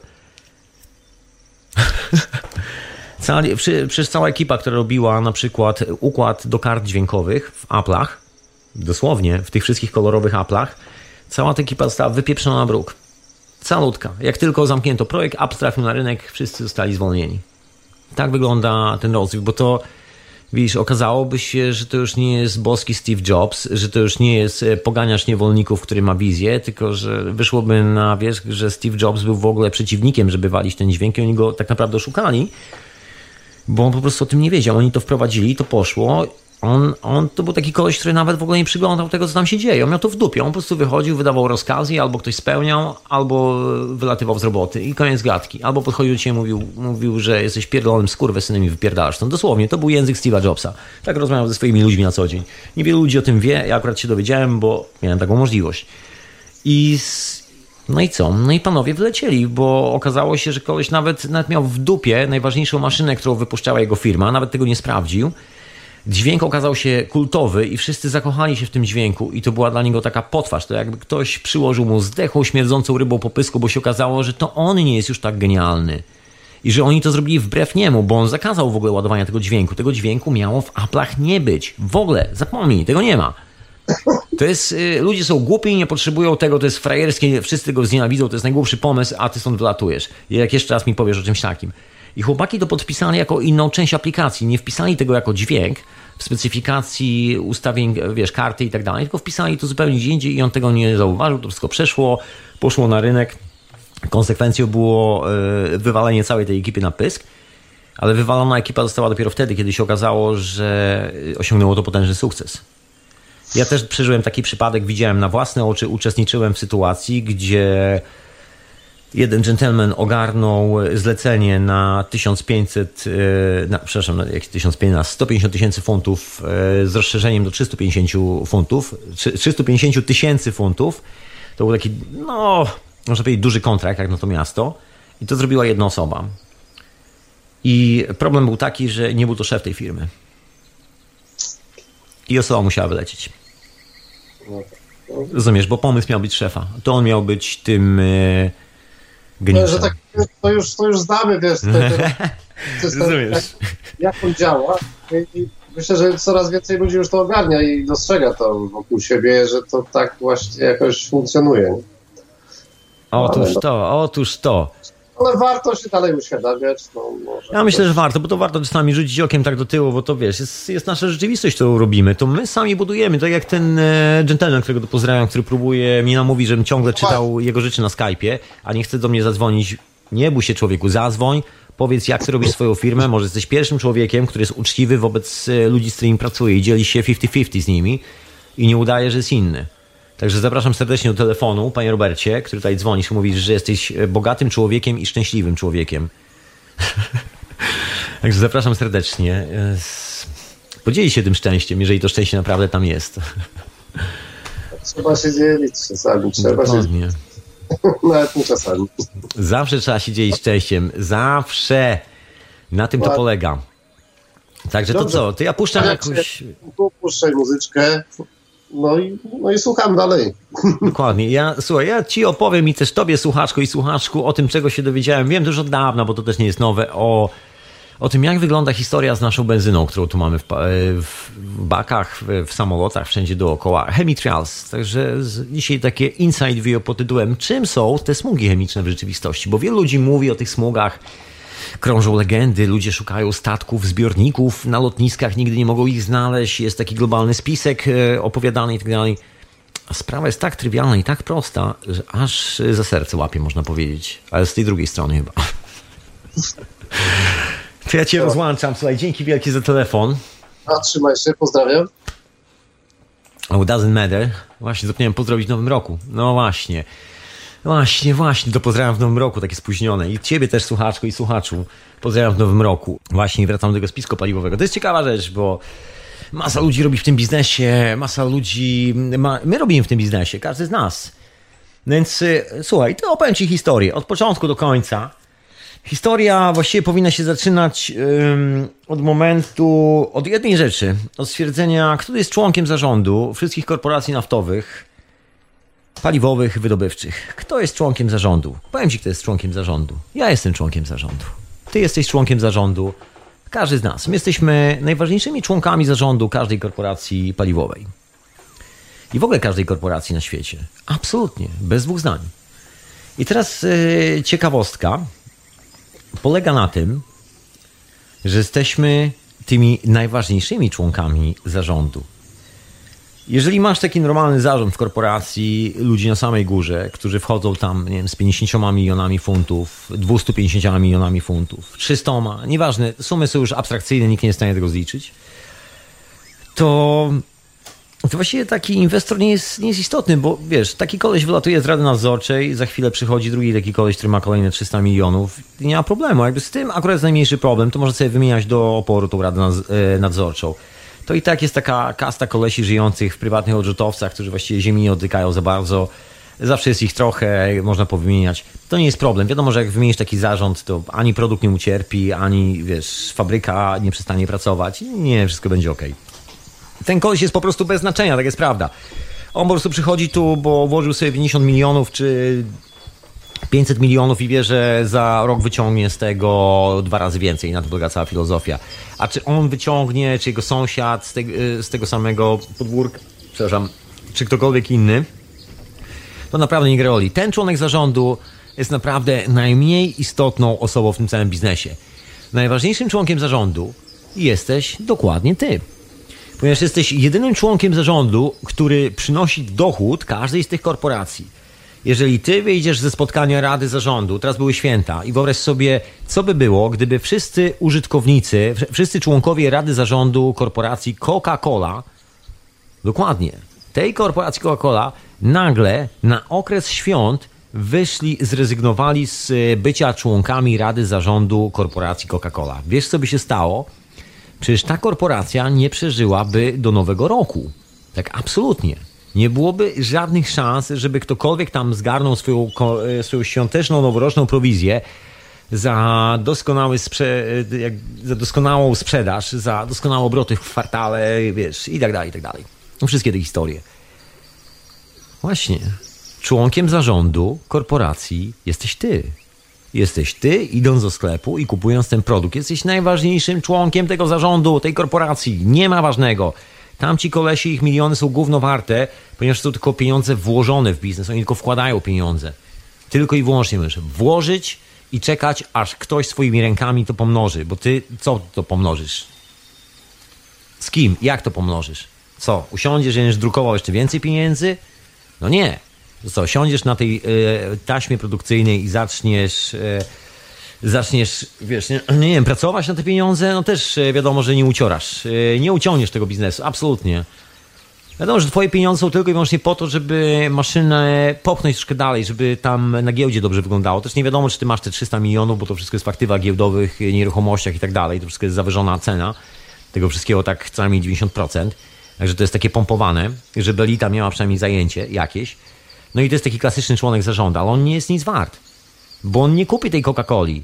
On się odżywa, odżywia zdrowo, nie ekologiczne jedzenie, które jest hodowane w farmach e, w południowej Afryce, gdzie jest hodowane jedzenie dla rodziny królewskiej. Tego jedzenia nigdy nie dotkniesz i go nie zobaczysz. Bo to nie jest jedzenie dla niewolników. To jest ekologiczne jedzenie dla całej kasty zarządzającej światem. Jeżeli się zastanawiasz, gdzie srama Obama, gdzie królowa brytyjska, gdzie elita światowa kupuje jedzenie i skąd jest to jedzenie, to jedzenie pochodzi z takich bardzo ekstremalnie czystych, ekologicznych farm, które częściowo należą do rodziny królewskiej, które znajdują się na południu Afryki. I to wszystko lata prywatnymi samolotami, elegancko, wiesz, te skrzynki z jedzeniem, nie jest podlewane, nie ma tam żadnych pestycydów, wszystko jest kompletnie eko, pracują tam lokalni niewolnicy, którzy jak przyjeżdża królowa, to się uśmiechają do królowej, bo przecież, kurde, trzeba. A ty no, masz plastik do jedzenia i na tym to polega. Tadam! Odkrycie. No i właśnie jakoś to trzeba utrzymać, bo wiadomo, że wiesz, trzeba utrzymać ten biznes i trzeba, trzeba nam działającej rady zarządu. Każdy musi być członkiem rady zarządu i każdy musi być aktywnym członkiem rady zarządu. Kupującym Coca-Colę, kupującym wszystkie te produkty na co dzień. No musisz po prostu to robić. No bez tego korporacja padnie, nie będzie obrotu w biznesie i wiesz, nie będzie kolejnego modelu, kolejnego produktu i po ptakach. No więc y, jako członek zarządu możesz oczywiście zawsze zrezygnować. Tak jak ci powiedziałem, gdyby połowa członków zarządu korporacji Coca-Cola teraz w przeciągu ostatnich dwóch tygodni zrezygnowała ze swojego członkostwa w tym y, jakże dochodowym biznesie, no to firma by nie wytrzymała. Bo ty jesteś najważniejszym członkiem zarządu. Jak ty wyjdziesz z tej firmy, to firmy już nie ma. Tak to wygląda. To już nikt nie przyniesie kasy w zębach, bo jedyną osobą, która przynosi kasę w zębach, jesteś ty. No bo co z tych 300 milionów leżących na koncie? Co ty z tym zrobisz? Ani ich nie pomnożysz, co? Usiądziesz, e, wynajmiesz sobie warsztacik, kupisz sobie kawałek drewienka i będziesz tam strugał z tego drewienka figurki, sprzedawał turystom? I się z tego to utrzymasz? No nie za bardzo. Nie w dzisiejszych czasach. Będziesz chciał sobie instalację elektryczną założyć, e, wszystkie standardy założyć do tej instalacji elektrycznej, zapłacić licencję za to, że używasz prądu, który cię zabija 50 Hz. E, piękna historia, to, pięk, to też jest piękny spisek. Jak wkopano ludzi w takie gówno, które po prostu rozwala im kompletnie zdrowie. Dlatego, że nie powinien się dotykać do prądu elektrycznego w wniazku, bo cię zabije. Nie jest to zdrowe urządzenie i nie jest to zdrowy prąd. W ogóle to nie powinno być w wniazku. Wiedział o tym Nikola Tesla, Wiedzieli o tym e, inżynierowie tacy jak Steinmetz, według których wzorów do dzisiaj inżynierowie elektryki wyliczają wszystkie transformatory. No właśnie, anyway, zostawię to na boku, te wszystkie transformatorowe historie, bo to nie o tym. Historia jest o spisku paliwowym. Właśnie. Bo jest taka legenda o chemitrials. I owszem, są chemitrials, tu wcale nie przeczę. Są badania rządowe, eksperymenty rządowe robione, potwierdzone i w Anglii, i w Stanach Zjednoczonych, na Hawajach. E, w Anglii, to było na północy Anglii, w tak zwanym Lake District czyli to, jest, to są okolice Manchesteru, Szkocja i tak dalej, gdzieś tam troszkę wyżej nad Londynem. Opylano i to nie raz. I opyla się w wielu innych krajach. Są specjalne programy badawcze rządowe, które tam mówią, że niby w ramach y, oczywiście dbania o odpowiednią atmosferę na, na planecie, żeby nie było za dużo CO2, oni dbają i rozpylają coś tam, żeby przypadkiem nie było za gorąco, żebyśmy się przypadkiem nie przegrzali. No, jak się okazało, w przypadku akurat Hawajów, e, już parę lat temu, było to takie ciekawe działanie związane z korporacją Monsanto, która tak sprytnie opylała to wszystko, że żadna roślina nie była w stanie wyrosnąć jedną opcją było kupowanie Roundupu. Był proces w sądzie, w kongresie, przy kongresie w ogóle Stanów Zjednoczonych. Oczywiście była wielka chryja, bo złapano ich dosłownie za rękę. Oczywiście jak każda duża korporacja powiedziała, to nie moja ręka. To nie mój pistolet, ten, który dymi. To nie ja to zrobiłem. To ten z boku. Nie ma nikogo z boku? To nie ja. To on sobie gdzieś poszedł. Jak zwykle, ciężko złapać za rękę, chociaż wszystko było idealnie udowodnione. Są takie przypadki. Nie będę ci okłamywał, że nie ma czegoś takiego. Absolutnie są. Jest opylanie na świecie, jest robione eksperymentalnie w wielu miejscach. Możni tego świata eksperymentują nas jak na żywych królikach, ale, ale tak naprawdę tego opylania to jest tyle co nic. I to jest w bardzo szczególnych miejscach, w niektórych miejscach. Te smugi, które widzisz nad swoją głową w okolicach lotnisk albo w ogóle jak przelatuje samolot, to są smugi, które zostają po samolotach rejsowych. To nie są cysterny. Jeżeli masz dużą lornetkę, może być za mała. Świetnym urządzeniem jest urządzenie używane przez geodetów, nazywa się teodolit. No i co z tymi smugami? Bo są na niebie te smugi, wszyscy mówią, że opylają nas nieustannie, opylają, opylają. No i to prawda, opylają nas, ale pytanie jest, jak, jak wygląda to opylanie? Przepraszam, bo ja to sobie ciągle poprawię mikrofon, bo lubię stać przy mikrofonie, gdzieś siedzę i jak siedzę, to mnie troszkę kręci, bo taki zawsze jestem elektryczny gentleman. Jak, no bo jak byłem mały, to najadłem się sporyszu i, i tak mi już zostało. Wszyscy znajomi się śmieją, że należy do tych ludzi, którzy wpadli do kociołka z LSD za młodu. No, najadłem się sporyszu po prostu i tyle. Anyway. I patrzymy na te smugi i są to niesamowite opowieści. No ale samoloty są rejsowe, także weź sobie Teodoli, to jest urządzenie, które pięknie przybliża, jest lepsze niż lornetka od tej strony. Yy, taki teodolit optyczny, teraz są używane teodolity laserowe z dalmierzami laserowymi, to jest troszkę coś innego, lepsze są te stare. Czasami można sobie kupić na wyprzedażach, naprawdę kosztuje grosze.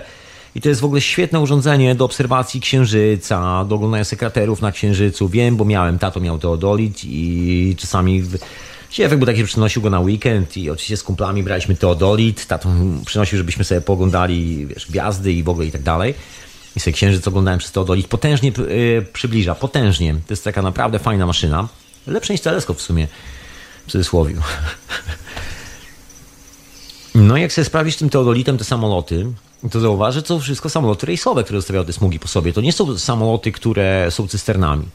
I zostawiają normalne smugi za silnikami. Okej, okay. są samoloty cysterny. Widziałem zdjęcia takich samolotów i są używane w niektórych miejscach na świecie, to prawda, ale te smugi, które mam nad głową, to zostawiają samoloty rejsowe i to normalne, typowe samoloty, których wsiadasz na lotnisku, lecisz z Londynu do Wrocławia albo gdziekolwiek indziej albo zwracała do Londynu, cokolwiek. Po prostu latasz tymi samolotami i to właśnie one zostawiają te smugi. Teraz pytanie, jak to jest możliwe, że w samolocie, który jest wypchany pasażerami, jest jeszcze miejsce na zbiorniki z jakąś dziwną substancją. Nie ma miejsca na zbiorniki, bo tam nie ma żadnych zbiorników człowieku, tam jest e, parę ton paliwa lotniczego. No i tu się zaczyna historia spisku paliwowego. Właśnie, bo te samoloty zostawiają bardzo dziwne smugi za sobą. Jeżeli ktoś jest w moim wieku, ja, dobra, przyznam się, bo tu nie ma co udawać, jestem po 40, jestem gentlemanem po 40, Także miałem okazję oglądać niebo jeszcze 20 lat temu, jeszcze 30 lat temu, a tak się złożyło, że przy lotnisku mieszkałem i tak dalej, i tak dalej. No i nigdy takich smug na niebie potężnych po samolotach nie było. I jest to absolutnie prawda. Jeżeli ktoś to mówi, i ludzie się na niego patrzą jak na wariata, to myślę, że powinni spojrzeć się na siebie troszkę jak na wariatów, bo ludzie wcale nie kłamią. Jest masa starych zdjęć, yy, takich normalnie robionych na kliszach, gdzie jest samolot na niebie i nie ma za, za, sobą żadnej smugi. I to nie tylko dlatego, że to był piękny, słoneczny dzień i nic się na niebie nie działo, tylko po prostu, no właśnie, coś innego było spalane w tych silnikach, trochę inne paliwo, paliwo, które nie zostawiało takiej smugi. W dzisiejszych czasach praktycznie wszystkie, absolutnie wszystkie samoloty zostawiają ze sobą tą dziwną smugę. I teraz jest pytanie, skąd się biorą chemicals? Co to jest? Czy to jest świadome działanie na, na, na nie wiem, no, jakieś takie zrzucane mikrochipy albo coś takiego na nas? Bo są różne, różne teorie na ten temat. Nie wiem, czy są prawdziwe, czy nie. W życiu nie widziałem ani jednego dowodu na to, że są to specjalne, nie wiem, e, nanochipy albo jakieś takie tajemnicze substancje. Gorzej. Dotarłem do dokumentacji technicznej, bo kilku ludzi robi badania, szczególnie na tak zwanym zachodzie, nie wiem jak to wygląda w Polsce, analizę gleby, ponieważ jeżeli masz szlak komunikacyjny lotniczy, rejsowy, a jest kilka takich miejsc na świecie, gdzie są takie szlaki, takie centralnie, że samolot leci dosyć nisko, on już nie leci na 10-12 tysiącach metrów, tylko schodzi do lądowania, jest to 5-3 tysiące metrów jakoś tak. I dalej są smugi na niebie. I wiadomo, że w tym miejscu te smugi opadają. No i robi się badania gruntu i się testuje, co w tym gruncie jest. No i się okazuje, że w tym gruncie znajdują się bardzo ciekawe substancje. Tą najważniejszą substancją jest aluminium. Ja tu nie będę cię, że tak powiem, zanudzał, co tam jeszcze jest. Mógłbym zacząć wymieniać, ale naprawdę nie chce mi się tego robić, bo nie chce mi się. Ty zrób sobie sam to research i szybciutko znajdziesz, jakie tam są składniki. Ja ci dzisiaj tylko naprowadzę na ślad, gdzie szukać. Tak, żebyś mógł sobie sam zrobić tą frajdę, samemu się dowiedzieć, jak to wygląda w praktyce. No i są smugi. No i po zbadaniu tej gleby okazuje się, że są tam cząsteczki nanoaluminium, hmm, które zmieniają kwasowość gleby. I to tak poważnie, że właściwie nic nie chce rosnąć. W tym momencie jedyne co, w cudzysłowiu, to są y, rośliny podlewane randapem, które jednorocznie mogą wyrosnąć, bo są sprzedawane, są genetycznie modyfikowane przez Monsanto są sprzedawane tylko na jeden rok, także zostajesz niewolnikiem. Także już w tym momencie musisz pójść do pracy i pracować co miesiąc, yy, przynosić wypłaty, żeby móc zapłacić innym, żeby móc wegetować. Bo to jest taka opłata za wegetację, my się na to zgadzamy. Idziemy do pracy i wegetujemy. Zawsze się śmieję, że gdyby w Londynie nastąpił taki dzień i pewnego dnia to nastąpi. You're gonna bury my word, my son. Taki dzień, że nikt nie pójdzie do pracy. Absolutnie nikt nie pójdzie do pracy w Londynie. I to będzie moment, kiedy system się zawali. Bo ten system działa tylko wtedy, kiedy my chodzimy do pracy, kiedy my czujemy się jako niewolnicy, kiedy przychodzimy do pracy. Jeżeli pracownicy nie przyjdą do korporacji, nie zostaną członkami zarządu, korporacja nie działa. No ale jak działa ta korporacja ze smugami chemicznymi? Się okazuje, że wiesz, jest masa ludzi, która szuka tych smug, oskarża korporacje, o, o to jakiś tajny światowy rząd i tak dalej. Oczywiście jest rząd światowy, niekoniecznie tajny, wcale nigdy nie był tajny. Absolutnie nie był tajny. Wszyscy, wszyscy doskonale wiedzą, kto rządzi światem. To nie jest żadna tajemnica, to tylko, no nie wiem, słowa tajne się używa tylko na potrzeby pisania książek y, o różnych dziwnych zawartościach i tak, żeby było takie sensacyjne.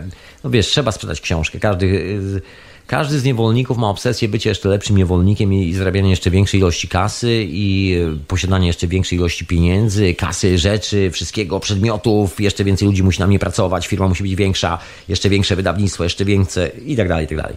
No wiesz, duże jest lepsze. Coś w tym stylu. No i się okazuje, że cóż, wracając do tych smug, jest to tona nanoaluminium. I tak po sznurku idąc, przyglądając się zawartości gleby i zawartości paliwa lotniczego, okazuje się, że pewne składniki paliwa lotniczego wcale się nie różnią od składników paliwa, które lejemy do samochodów. Jeżeli siedzisz w temacie, albo nawet jeżeli nie, to sobie sprawdź i zobacz, jak wygląda historia paliwa do samochodów.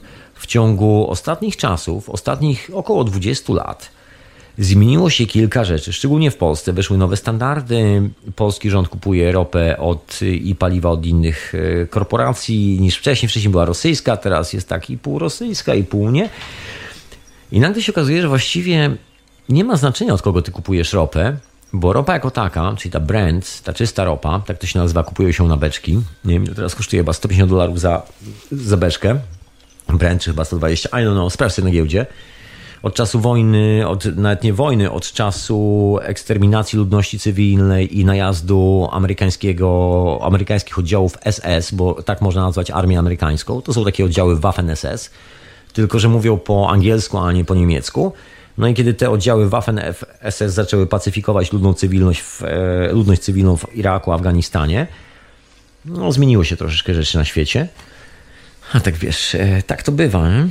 No i się okazuje, że cena paliwa się zmieniła, bo przed tym atakiem e, Waffen-SS na współczesnego Waffen-SS na Irak i Afganistan beczka Brent kosztowała tam 15 dolarów i po stuknięciu tej akcji cena podskoczyła do 150 dolarów, zdaje się, teraz chyba 120 jakoś tak, nie mam pojęcia, sprawdź sobie, ale to i tak jest taki skok, że jest ponad 100%. Także niezłe przybicie na interesie, ty właściwie nic innego nie robisz, poza tym, że dostałeś ropę za darmo, właśnie dostałeś, wysłałeś Waffen SS, które spacyfikowało wszystkie wioski w okolicy, rozstrzelało wszystkich, których trzeba było rozstrzelać, także już nie musisz płacić nikomu podatków, właściwie dostałeś za darmo cudze instalacje naftowe i możesz to ciągnąć do oporu. A jeżeli komuś się nie podoba, to wysyłasz tam drony i koniec piosenki, nie? I ludzkie mięso pięcioletnich dzieci fruwa w powietrzu, a ty się cieszysz mówiąc yeah, I got it, motherfucker. To jest mniej więcej taka gadka, jak ci kolesi siedzą za dronami operatorzy. Czasami te wideo trafia na światło dzienne i wszyscy się zastanawiają, fucking hell, w jakim świecie żyjemy. No ale dalej tankujemy tę ropę.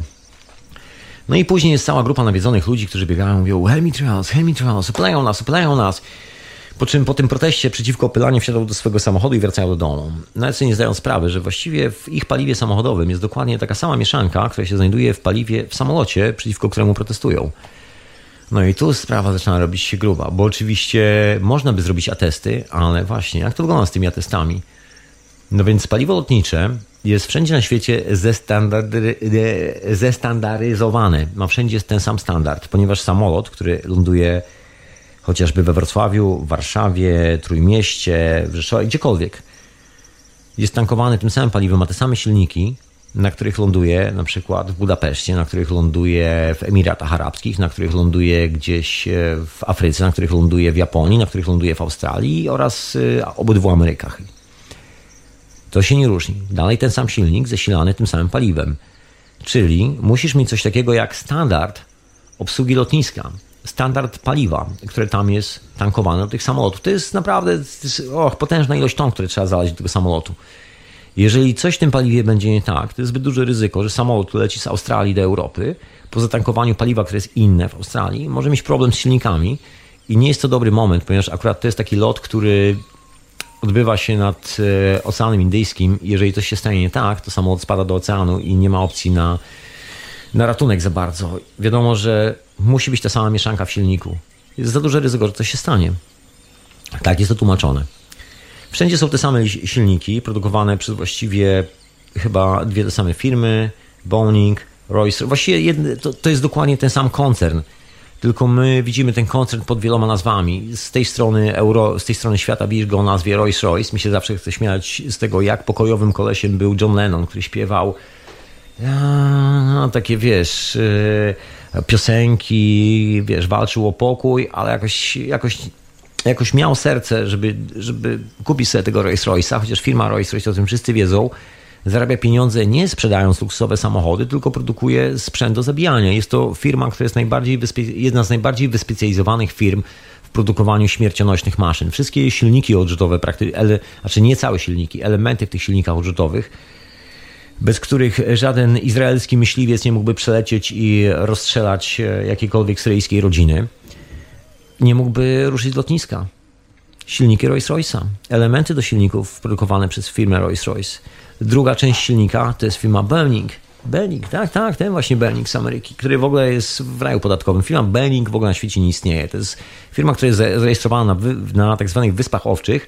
Jak jej siedziba znajduje się na wyspie, której pas startowy jest chyba długości jednego kilometra tam, i to tylko na awionetki. To jest oryginalna siedziba firmy Belling.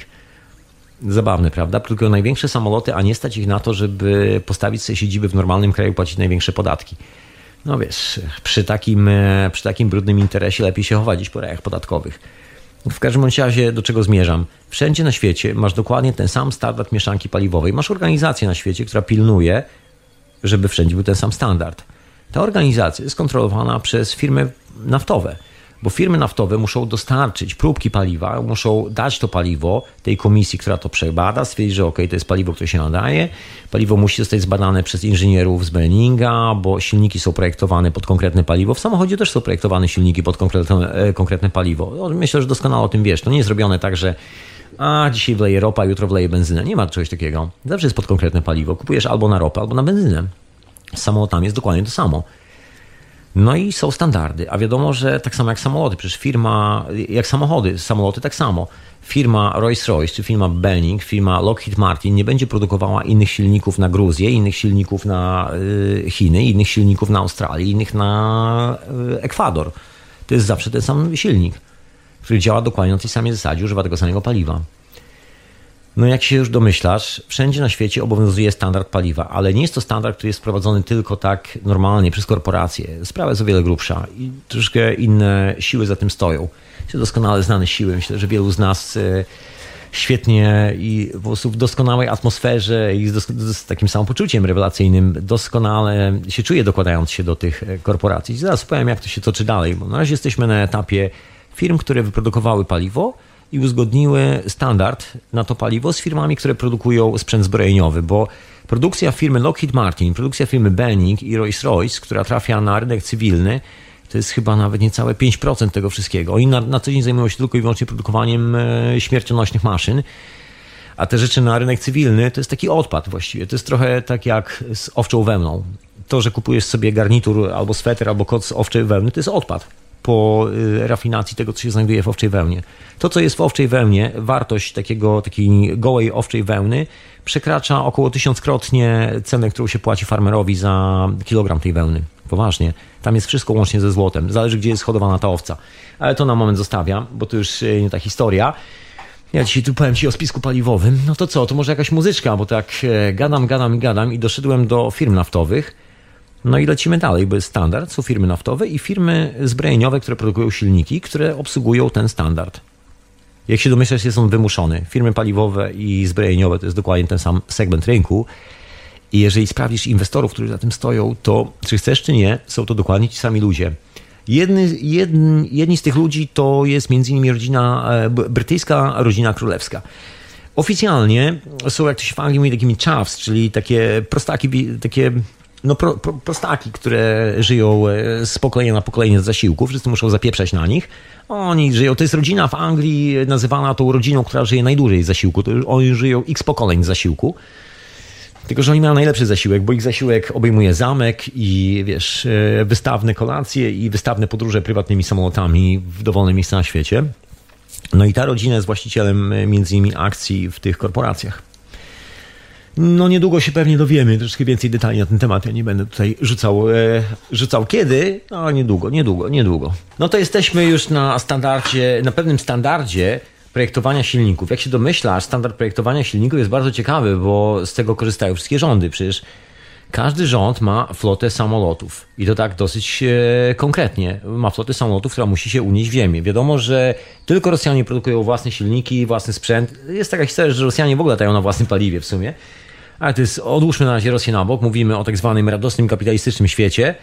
No i, i co dalej? Mamy standardy silników elektrycznych. Wiadomo, że ludzie, którzy wydobywają ropę, rafinują tą ropę, mają doskonały kontakt. To jest ta sama firma, która projektuje silniki, bo wiadomo, że inaczej tej ropy nie użyjesz. No, no co z nią zrobić? Jak nie będzie pasowała do silnika, to ktoś na tym straci. Już nie po to się to robi. No i tak, mamy silniki działające na konkretną mieszankę paliwa. No i teraz co jest dalej z tą mieszanką paliwa? Dalej mamy lotniska. I teraz musimy y, wprowadzić to paliwo. No jak się okazuje, jest wszędzie standard, ale standard na paliwo musi zostać przyjęty, zaakceptowany przez rząd. Bo to nie jest tak, że ty możesz sobie wziąć koleżanko i kolego, wziąć sobie zatankować e, taki tankowiec, wziąć te 200 tysięcy ton ropy, załadować i sobie z tymi 200 tysiącami ton ropy sobie wpłynąć do portu i powiedzieć, a, bo mam troszkę do rozładowania ropy. Nie, nie, nie, takiej opcji nie ma. Przede wszystkim musi być standard, musi pasować gwintami, musi pasować mieszanką, wieloma rzeczami. No chyba, że jest to ropa brand, ale ona jest przesyłana w beczkach i to troszkę inaczej wygląda. Chociaż ta już też w tankowcach pływa, ale to już inna sprawa. W zostawiamy transport ropy. Na tym największe pieniądze zrobił Nobel, na sprzedawaniu ludzkiej śmierci, dynamitu i transporcie ropy.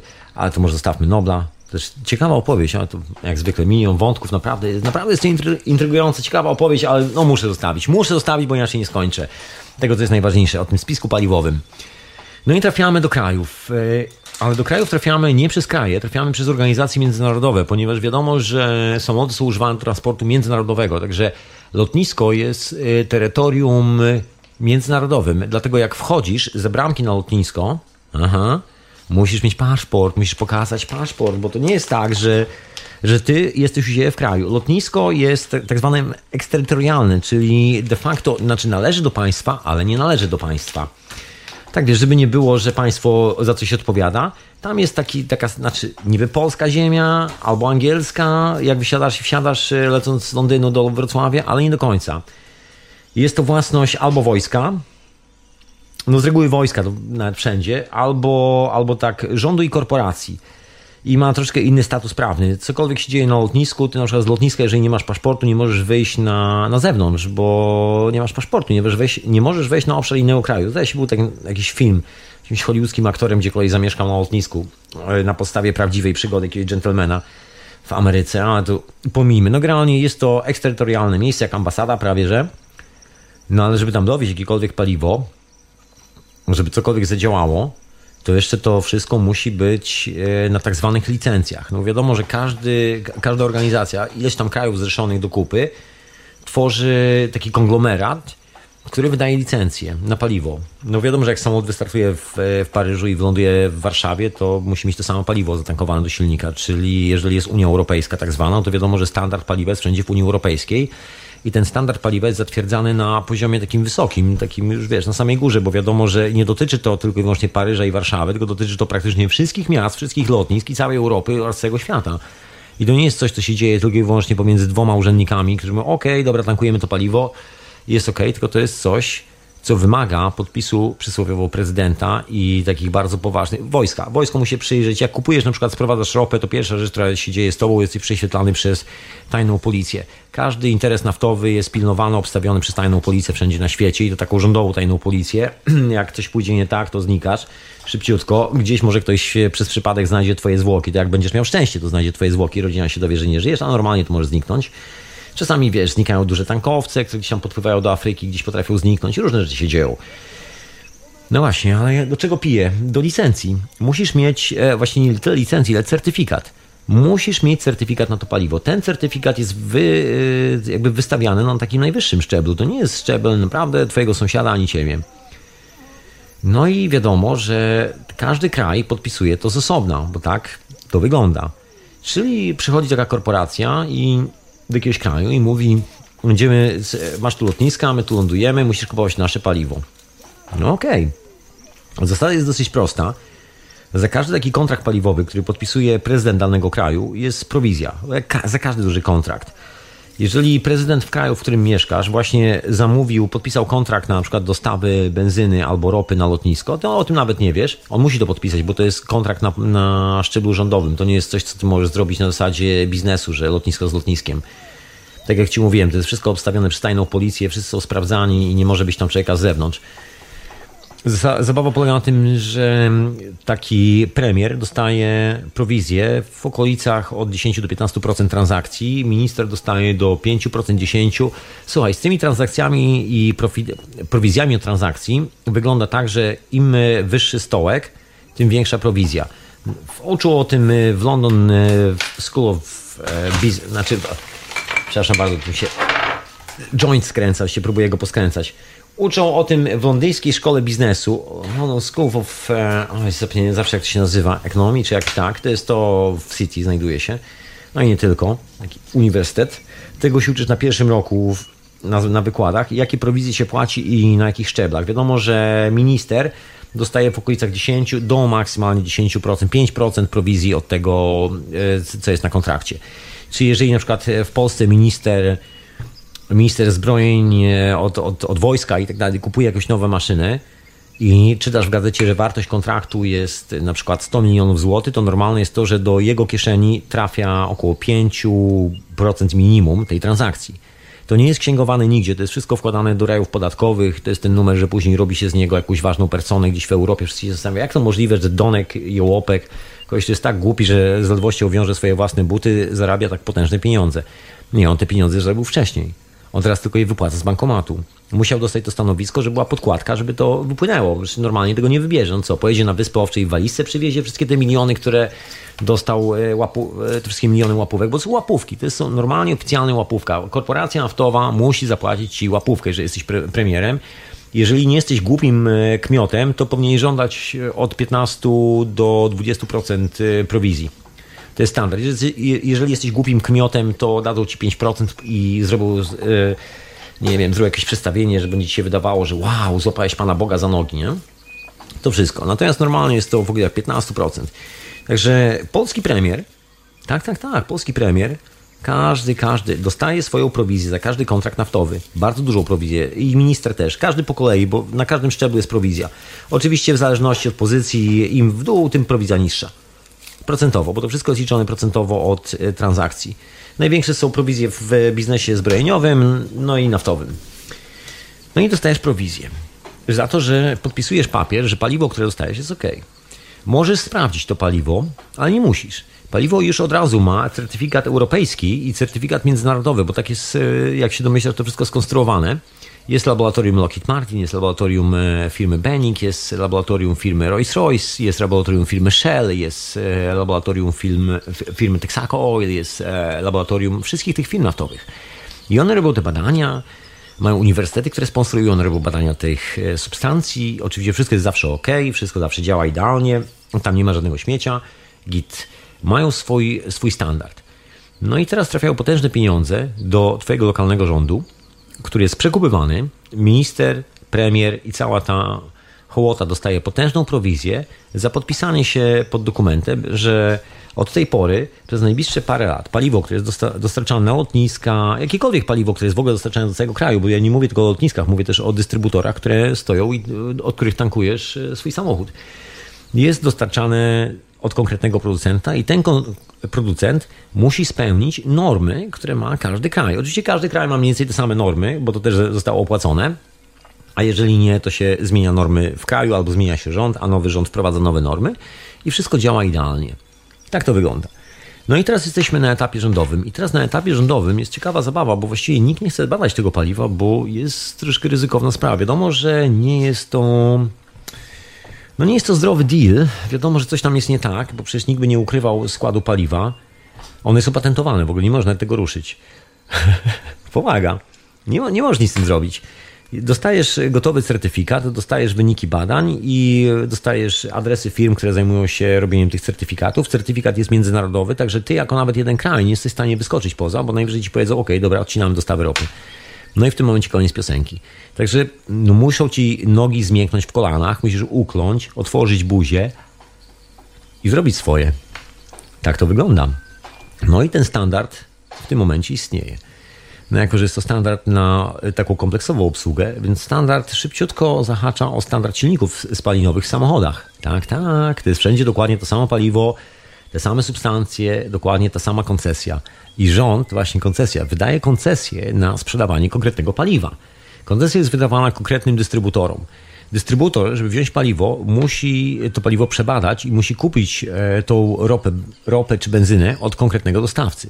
Ten dostawca to jest dokładnie ta sama firma, tylko że już e, troszkę dalej i to jest taka już córka, taka tam można nie widzieć powiązań, ale to jest dokładnie to samo paliwo, ta sama ropa, która jest y, wydobywana w Iraku, Afganistanie, znaczy nie w Afganistanie, w Iraku, gdzieś na Bliskim Wschodzie i tak dalej, i tak dalej, w Wenezueli.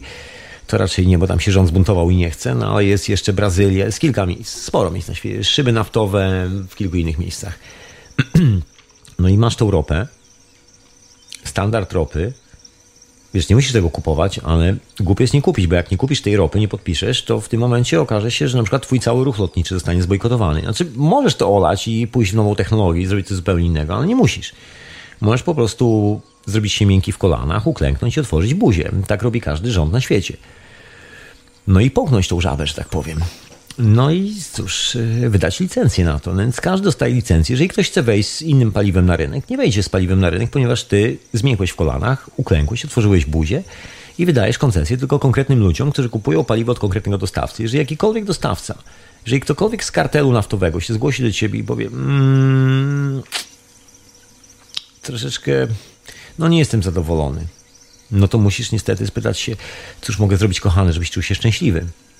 Nie ma innej opcji w tej stronie. Cóż, musisz wprowadzać jego paliwo. No jakoś tak się zrobiło na, na świecie ostatnio, że to paliwo, które się pojawiło, jest y, pełne bardzo ciekawych dodatków. Dodatków, które powodują, że zyskowność firm produkujących paliwo wzrosła nieprzeciętnie. Zobacz sobie notowania giełdowe koncernu naftowego, a szczególnie, ale nie patrz na ceny ropy, bo ceny ropy to jest jedna sprawa. Zobacz, kto zajmuje się rafinacją ropy i jakich komponentów się używa do rafinacji ropy prześledź sobie te ruchy finansowe i zobaczysz, kto tak naprawdę zarabia na tym pieniądze. Nagle się okazuje, że powstał cały łańcuszek firm produkujących komponenty do, roty, do ropy i one robią niesamowite pieniądze. Między innymi tym głównym komponentem, o którym jest mowa, bo tak mówię o tych chemicals, jest właśnie nanoaluminium. Jest to odpad, bo w sumie jest to, wiesz, odpad poprodukcyjny z, z handlu bronią i tak dalej, podczas produkcji silników i wielu innych, tam jest dużo dury aluminium, aluminium, takich stopów, nie wiadomo co z tym robić. I klasyczny numer w dzisiejszym świecie, żeby było to jeszcze bardziej opłacalne, jest zmielenie tego wszystkiego na pył, dodanie kilku substancji chemicznych, żeby to działało elegancko i ten nanoaluminium, który wygląda jak taki szary proszek, cząsteczki nano, lądują w paliwie. Ciekawa rzecz. Wielu ludzi mówi, nie, to niemożliwe, że zatkałoby silnik. Nie, nie zatka silnika. Silniki są tak zaprojektowane, że doskonale to przechodzi przez silniki. I stąd się biorą smugi na niebie. No bo teraz wyobraź sobie, co się dzieje. To jest nanoaluminium, czyli to jest metal, który ma tak zwaną polaryzację ujemną. To jest tajemnica, dlaczego te smugi wiszą i tak się dziwnie rozchodzą na niebie. To nie jest przypadek, absolutnie. Po prostu mama natura, zwykłe, można powiedzieć, prawa fizyki zachowania tej planety. Jonizacja powietrza na pewnej wysokości się zmienia. Im dalej jesteś od Ziemi, tym zmienia się nasycenie elektrostatyczne powietrza. To jest e, ten słynny numer z najwyższą dzwonnicą w okolicy, w którą zawsze wali piorun. Jest najwyżej, a tam jest zawsze podczas, kiedy się zmienia elektrostatyka powietrza, najwięcej ładunków. Im wyżej, tym więcej ładunków. Więc normalne jest to, że jeżeli przelecisz takim samolotem gdziekolwiek po zatankowaniu tego paliwa z nanocząsteczkami, to to paliwo się nie rozpuści tak łatwo. Nie rozsypie się tak jak normalne paliwo, które zostawia tylko po sobie chmurę gorącego powietrza i tam trochę smrodu i to wszystko. Oparów, gazów. Tu zostają jeszcze nanocząsteczki aluminium, które po przepuszczeniu przez wysoką temperaturę w silniku zmieniają swoją polaryzację i zachowują się jak takie małe lewitujące cząsteczki. Nic więcej. I one sobie wiszą w powietrzu, zanim opadną, bo tam jest inny poziom elektrostatyki. Jeżeli znasz takie urządzenie, nazywa się jonolot. Sobie wpisz na Google, możesz sobie spokojnie znaleźć. Jonolot to jest urządzenie, które robisz z aluminium, kawałka drewnianych patyczków. Jeżeli byłeś kiedyś modelarzem, poradzisz sobie spokojnie, podłączasz to pod bateryjkę, urządzenie się podnosi do góry. Samo sobie wisi w powietrzu. Musisz je trzymać na kablu, bo musisz doprowadzać tam zasilanie, no ale urządzenie łamie zasady tak zwanej e, newtonowskiej grawitacji. Możesz sobie zrobić taki eksperyment. Zrobiłem kiedyś e, ten jonolot, zdaje się z kolegą i nawet udało nam się troszkę go podnieść, a nam zepsuliśmy, chyba nie, nie skończyliśmy nawet do końca. Tak czy siak może sobie sam zrobić, ja nie mam serca do tego, żeby to budować. Zostawiam te wszystkie rzeczy. Anyway, zobaczysz, zaobserwujesz zachowanie aluminium, bo aluminium zmienia właściwości elektrostatyczne. Tak jak w przypadku jonolotu, możesz podnieść e, kawałek aluminium do góry, używając tylko i wyłącznie ładunków elektrostatycznych prądu DC. To wyobraź sobie, co się dzieje te 10 tysięcy metrów nad ziemią, kiedy nanocząsteczki aluminium zmieniają swoją polaryzację i w tym momencie zachowują się dokładnie, każda z nich jak taki jonolot i nie opadną, szybko nie opadną, zostaje taka potężna smuga na niebie. Jeżeli jeszcze widzisz jakiś wiatr, który to roznosi i rozwieje, to ty się dziwisz. Jak to jest, że w tej części nie ma, nie ma tych smug, a w tej są? No bo tam jest wiatr, który to rozwiewa i to jest jedyny powód, dla którego się roznoszą. Dlaczego w ogóle się bierze to, skąd się w ogóle to bierze, bierze się to aluminium, nanoaluminium w silnikach spalinowych? No numer jest prosty. Normalne paliwo, którego koszt y, został zawyżony poprzez wojnę w Afganistanie, Iraku, zamordowano dosłownie miliony ludzi w ciągu ostatnich 15 lat po to, żeby cena ropy poszła do góry, żeby zabić jeszcze więcej. Wyobraź sobie skok ceny za beczkę od 15 dolarów do 150 dolarów. Przecież to jest ponad 1000% zysku, za nic. Się nic nie dzieje. To jest po prostu, wiesz, y, business as usual. Tak można to powiedzieć, nic więcej. No i numer polega na tym, że nie dość, że chłopaki zauważyli, że mogą trzepać o 1000% więcej kasy, sprzedając ci żenione paliwo nanocząsteczkami, jeszcze to paliwo jest kupowane przez rządy i przez wszystkie firmy lotnicze y, z, z pocałowaniem w rękę. Z jakiego powodu? Powód jest prosty kiedy załadujesz to paliwo jesteś na konkretnej wysokości, nie widzisz tych nanocząsteczek, one tam są wpisane w paliwo i tak dalej, ale to jest takie, wiesz, że one tam tylko udrażniają, w ogóle to jest tak traktowane, w, w tajemnicy trzymane troszeczkę, ale jak sobie sprawdzisz badania naukowe na ten temat, to szybko złapiesz, co chodzi. Dojdziesz, w ogóle nawet znajdziesz firmy, które to produkują. Jest tylko jedna firma, która produkuje te cząsteczki e, w aluminium i sprzedaje właśnie dla, na potrzeby sektora naftowego. Ta firma należy dokładnie do kartelu naftowego. To jest troszkę tak jakbyś, tak jak ja, ja bym sobie wymyślił drugie radio i zaczął robić to drugie radio i w tym drugim radiu mówiłbym, że jestem niezależnym radiem, ale radio na fali jest najlepsze i właściwie ja tylko pracuję dla radia na fali, a to jest niezależna, wiesz, taka ściema, po prostu, że niby niezależna instytucja, ale w rzeczywistości wszystko jest dokładnie to samo. Ponieważ te cząsteczki nanoaluminium zmieniają zużycie paliwa w silniku i dzięki temu ty tankujesz dokładnie z, około, nie wiem, Trzeba byś to wyjaśnił. To jest taka trefna sprawa związana z firmami samochodowymi. Tobie się sprzedaje coś takiego, że silnik robi oszczędność paliwa. W rzeczywistości silnik nie robi żadnej oszczędności paliwa, wręcz odwrotnie. Silnik jest tak spierdolony za przeproszeniem, że to w ogóle szkoda, może się za głowę złapać. Jeżeli ktoś jest tutaj inżynierem i projektuje silniki samochodowe, doskonale wie o co chodzi. Wydajność silnika samochodowego, tego cudownego cuda cywilizacji jest y, na poziomie 15 do 20%. Przy czym silnik przy wydajności 20% po paru godzinach pracy, jak silniki samochodów rajdowych się po prostu rozsypują, bo nie są w stanie materiałowo wytrzymać e, nieustannego wybuchu w środku. Bo to jest jedna wielka e, eksplozja, którą cały czas kontynuujesz w środku tłoków.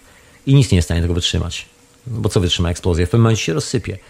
Także wydajność tego silnika jest tylko w okolicach 15% i to nawet tak zawyżając mocno, a reszta tego silnika jest tylko po to, żeby on się nie rozsypał przy tych 15% zysku. Reszta energii, którą tam robi, po prostu niszczy ten silnik. Taka jest prawda. Dlatego producenci samochodów bardzo to lubią, bo zawsze będzie potrzeba produkowania nowego silnika. Nie ma takiej możliwości, żebyś używał silnika spalinowego, benzynowego i on się nie rozsypał w pewnym momencie.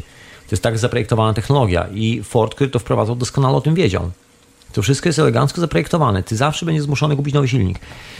No i wiesz, zaczęły się czasy ekologii, wiesz, Unia Europejska, trzeba wprowadzić nowe regulacje i wprowadzono nowe regulacje, które zmieniły mieszanki paliwa na bardziej eko, dodano nowe substancje. To oczywiście nie wiesz, co za substancje, bo oczywiście są to tajne badania rządowe. Żadna firma naftowa nie udostępni swojego laboratorium, nie powie ci, jak robi mieszanki, ponieważ mieszanki do paliwa są objęte ochroną patentową ochrona patentowa jest respektowana przez każdy rząd na świecie, ponieważ każdy rząd właśnie dba o tą ochronę patentową. Jeżeli coś się dzieje źle korporacji z jego patentem, idzie do rządu i mówi, ej, co, nie, niedobrze się wysypiam. No i w tym momencie rząd wysyła armię do człowieka, który psuje mu sen. I tak się to kończy. Także na pewno zapomnij o tym, żeby jakiekolwiek laboratorium rządowe wzięło kiedykolwiek próbkę tej ropy, która ląduje na, na lotnisku. Zresztą nawet nie może wziąć tej ropy, bo to jest strefa eksterytorialna. Tu musiałbyś ukraść tą ropę nieoficjalnie. Tylko wtedy nawet nie, nie możesz powiedzieć, że ją zbadałeś, że ją że, że ją masz, bo zaraz usłyszysz zarzut, że ukradłeś tą ropę z cysterny, wkroczyłeś na teren, do którego nie jesteś uprawniony, żeby tam przebywać. Właściwie to wszystko to jest ściema i lądujesz od razu w więzieniu, bo to jest teren eksterytorialny. Ty nie masz prawa dotknąć cysterny, nie masz prawa dotknąć ani grama paliwa w tej cysterny. Znaczy, możesz, nie ma problemu, wiesz. Ale jeżeli dasz to do analizy i e, opublikujesz e, wyniki tej analizy, to w tym momencie jesteś ugotowany. Inna sprawa, że nie ma nikogo, kto by chciał zrobić tą analizę dla ciebie tego paliwa, ponieważ jeżeli masz laboratorium rządowe, to on nigdy tego nie zrobi. Z prostej przyczyny. Twój minister, twój prezydent wziął w okolicach kilku milionów dolarów albo kilkunastu, dziesięciu milionów dolarów, przymykając oko na to, że te, te się sprzedaje. I teraz on stoi w konflikcie. On ma te swoje miliony dolarów, które dostał łapówki i twoje zdrowie. Jak myślisz, co on wybierze? Twoje zdrowie czy miliony, które dostaje na konto? Nie wybierze twojego zdrowia. Gwarantuję ci to. Nie spotkałem jeszcze człowieka, który poza prezydentem jednego kraju znaczy może jest parę takich prezydentów na świecie, e, którzy wybierają troszkę inną opcję, ale też zostawiamy. Nie bawimy się w politykę. W każdym razie po to jest koncesja, żeby nikt nie mógł tego ruszyć. To paliwo jest koncesjonowane, ma pieczątki rządowe i nie możesz tego zbadać. Jeżeli już chcesz badać, musisz badać w rządowym laboratorium. Ono musi wydać zgodę na to. Nie wydać ci żadnej zgody, także jest ugotowany. Nikt nie chce w tym uczestniczyć. Nikt nie chce tego gówna dotykać, bo ma za dużo do stracenia. Wszyscy mają gigantyczną robotę. Czy myślisz, że pani z Urzędu do Badania Benzyny ci to zbada? Nie, bo pani wyleci zaraz z roboty. Każdy dba o swoją, wiesz, o swoją pensję, każdy chce być niewolnikiem w systemie, każdy chce zapieprzać na jeszcze lepszy, jeszcze większy kredyt. Tak jest skonstruowana ta zabawa. Także nikt się nie wystawi, nikt nawet tutaj się nie zająknie, że cokolwiek się dzieje, że coś jest nie tak z paliwem. Wszyscy będą się uśmiechali, tak jak na amerykański film. No, no, no, it's great, it's absolutely great. It's fantastic oil, fantastic. Nie jest tak fantastik za bardzo, bo te aluminium, jak ci powiedziałem, tam sobie zostaje. To widzisz, co się dzieje na niebie. Ja ci nie muszę mówić, jakie są skutki działania tego chemitrails. Masa ludzi bada jakby skutki działania. Nie mówię, nie mówię o przyczynach, ale bada skutki działania i doskonale wiadomo, że wszystko zdycha. Jest to potężne zakwaszenie gleby, którego nie jest w stanie przeżyć żadna roślina, przez co nie jest w stanie przeżyć żadna żywa istota. Taka jest prawda, ale dzięki temu zakwaszeniu gleby historia z silnikami samochodowymi, samolotowymi zwiększają swoją wydajność o 20%. I teraz sprzedając ludziom dokładnie te same silniki, jeszcze bardziej zjebane, bo one jeszcze w ogóle nie działają już w tym momencie, wciskasz im kit, że kupują ekologiczne maszyny, ekologiczny samochód, który spala mniej paliwa i tak dalej, i tak dalej. W rzeczywistości nie. Samochód spala jeszcze więcej paliwa. Jest jedna różnica. Jest inna mieszanka tego paliwa. i ty po prostu y, lejesz go mniej i to by się wydaje, że ty spalasz mniej paliwa. Nie do końca, nie do końca, nie do końca. Ty po prostu płacisz ekstra za y, nowe rozwiązanie technologiczne, które się nazywa nanoaluminium w Twoim paliwie, które zwiększa wydajność pracy Twojego silnika o 25% i wydaje Ci się, że dostajesz coś ekstra, że dostajesz świetne, nowe, ekologiczne paliwo, Twój samochód mniej pali w stosunku do mocy, którą dostaje, bo zawsze jest to obliczane ilość spalania w stosunku do mocy. I wszystko Ci się podoba, bo płacisz taniej troszkę za benzynę, ona jest bardziej ekologiczna, nie ma już e, w sobie tyle łowiu, związków metali ciężkich, ale dalej coś mam. No i przede wszystkim ta benzyna ma troszkę innego kopa niż ta benzyna, która była 20 lat temu. I e, producenci samochodów piszą o. Jeżeli się przyjrzysz na kampanie reklamowe, zobacz jedną rzecz, że jeżeli pojawia się jakikolwiek element, no, znaczy element, jakikolwiek samochód, który jest bardzo ekologiczny na rynku, to nie jest to jedna firma, pojawia się cały rząd. Wszystkie firmy w tym momencie wrzucają nowy standard e, silnika elektrycznego. Rządy bardzo szybko na to e, przystępują. Wprowadzają nowe przepisy, które mówią, o od jutra już nie będziesz mógł używać tego swojego silniku diesla, bo jest problem. Do silnika diesla możesz wlać praktycznie wszystko. Takiego prostego silnika dieslowski, taki prosty dieslowski silnik odpalisz nawet na samogonie i on pojedzie nie będzie problemu, nie spali się, będzie działał, wszystko będzie ok. Ale widzisz, wchodzi licencja rządowa, która mówi, że ty już nie możesz używać tych silników, ponieważ one zatruwają środowisko, a tu jest koncesja dla firmy Shell albo jakiejkolwiek innej firmy, która daje ci doskonałe, czyste, ekologiczne paliwo i to paliwo ma o wiele większą wydajność dwudziestokrotnie. Zastanów się, w jaki sposób w ciągu ostatnich 20 lat wydajność benzyny wzrosła 20%, przecież to jest dokładnie ta sama benzyna, się nic nie zmieniło. Silniki są jeszcze gorsze. Jest masa elektroniki w tych silnikach, która się zatyka, wali, psuje i tak dalej. Ile, ile lat teraz... Yy, przypuśćmy, że masz przez 10 lat samochód, to ile lat z tych 10 lat spędzasz u mechanika samochodowego? Już chyba wiesz, o czym mówię. I zobacz, co się psuje w samochodach najczęściej. Przyjrzyj się uważnie. To są wszystko elementy, które zajmują się wydechem, spalaniem i tak dalej. Coś w tym musi być paliwie, prawda? No tak, no jest bardziej ekologiczne, bardziej wydajne, to nowoczesne paliwo. Wszyscy myślą, że mają progres, postęp technologiczny. No ale czy to jest progres i postęp technologiczny? Nie za bardzo. Się okazuje, że odrobina trucizny, która zabija wszystkie istoty żywe, zwiększa wydajność paliwa o 20%. I teraz sobie wyobraź, że chodzi o paliwo lotnicze. Ja to na razie zostawiam samochody i silniki samochodowe i teraz masz y, tą sytuację na lotnisku. Masz rejsowe loty pomiędzy Londynem a Nowym Jorkiem. Normalnie zakładam 10 ton paliwa na jedną stronę, żeby przelecieć. I teraz sobie wyobraź, że tankujesz to paliwo on już ma wszystkie akcyzy, bo rządy podpisały wszystkie te papierki. Wszyscy kolesie, którzy są ministrami, prezydentami, zmiękli w kolanach, uklękli i otworzyli szeroko buzię. No i dzięki temu oficjalnie na lotnisko dostarcza paliwo konkretna korporacja i to paliwo ma konkretną mieszankę i teraz firma, która obsługuje te 20 jumbo jetów, które latają pomiędzy Nowym Jorkiem a London, zarabia troszkę kasy więcej Oczywiście podniesiono bilety z powodu na opłaty terrorystyczne, klimatyczne, zanieczyszczenie środowiska i tak dalej. Płacisz za bilet około 3 razy więcej niż kosztował 10 lat temu czy 15 lat temu w dzisiejszych czasach. Ale nie wiesz o jednym, że firma, która jest właścicielem tego samolotu i organizuje ci ten przelot, zarabia na tobie jeszcze ekstra pieniądze, bo do samolotu tankują tą zabawną mieszankę, która ma aluminium.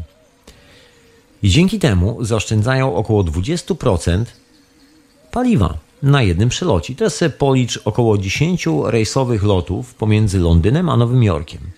Jakieś 10 ton w jedną, 10 ton w drugie, 10 ton. Teraz policz sobie 20% od 10 ton. I teraz policz sobie, ile kosztuje to na paliwa.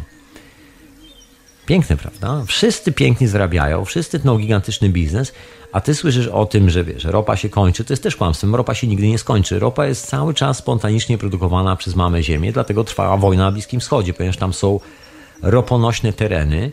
I normalne jest to, że jak się wyeksploatuje te tereny, to trzeba czekać około 20-30 lat i może się z powrotem wbić, z powrotem jest ropa, bo ropa jest cały czas nieustannie produkowana na świecie. To nie jest coś, co się wyprodukowało raz Gdyby tak było, to no właśnie, ciężko było wytłumaczyć, e, skąd by się wzięło tyle biliardów, miliardów dinozaurów, drzew na świecie, które by zamieniły się w ropę. Próbowałeś zamienić kiedyś kawałek rośliny w ropę albo kawałek organicznej struktury zamień. Zobaczysz, jak dużo tej ropy wyjdzie.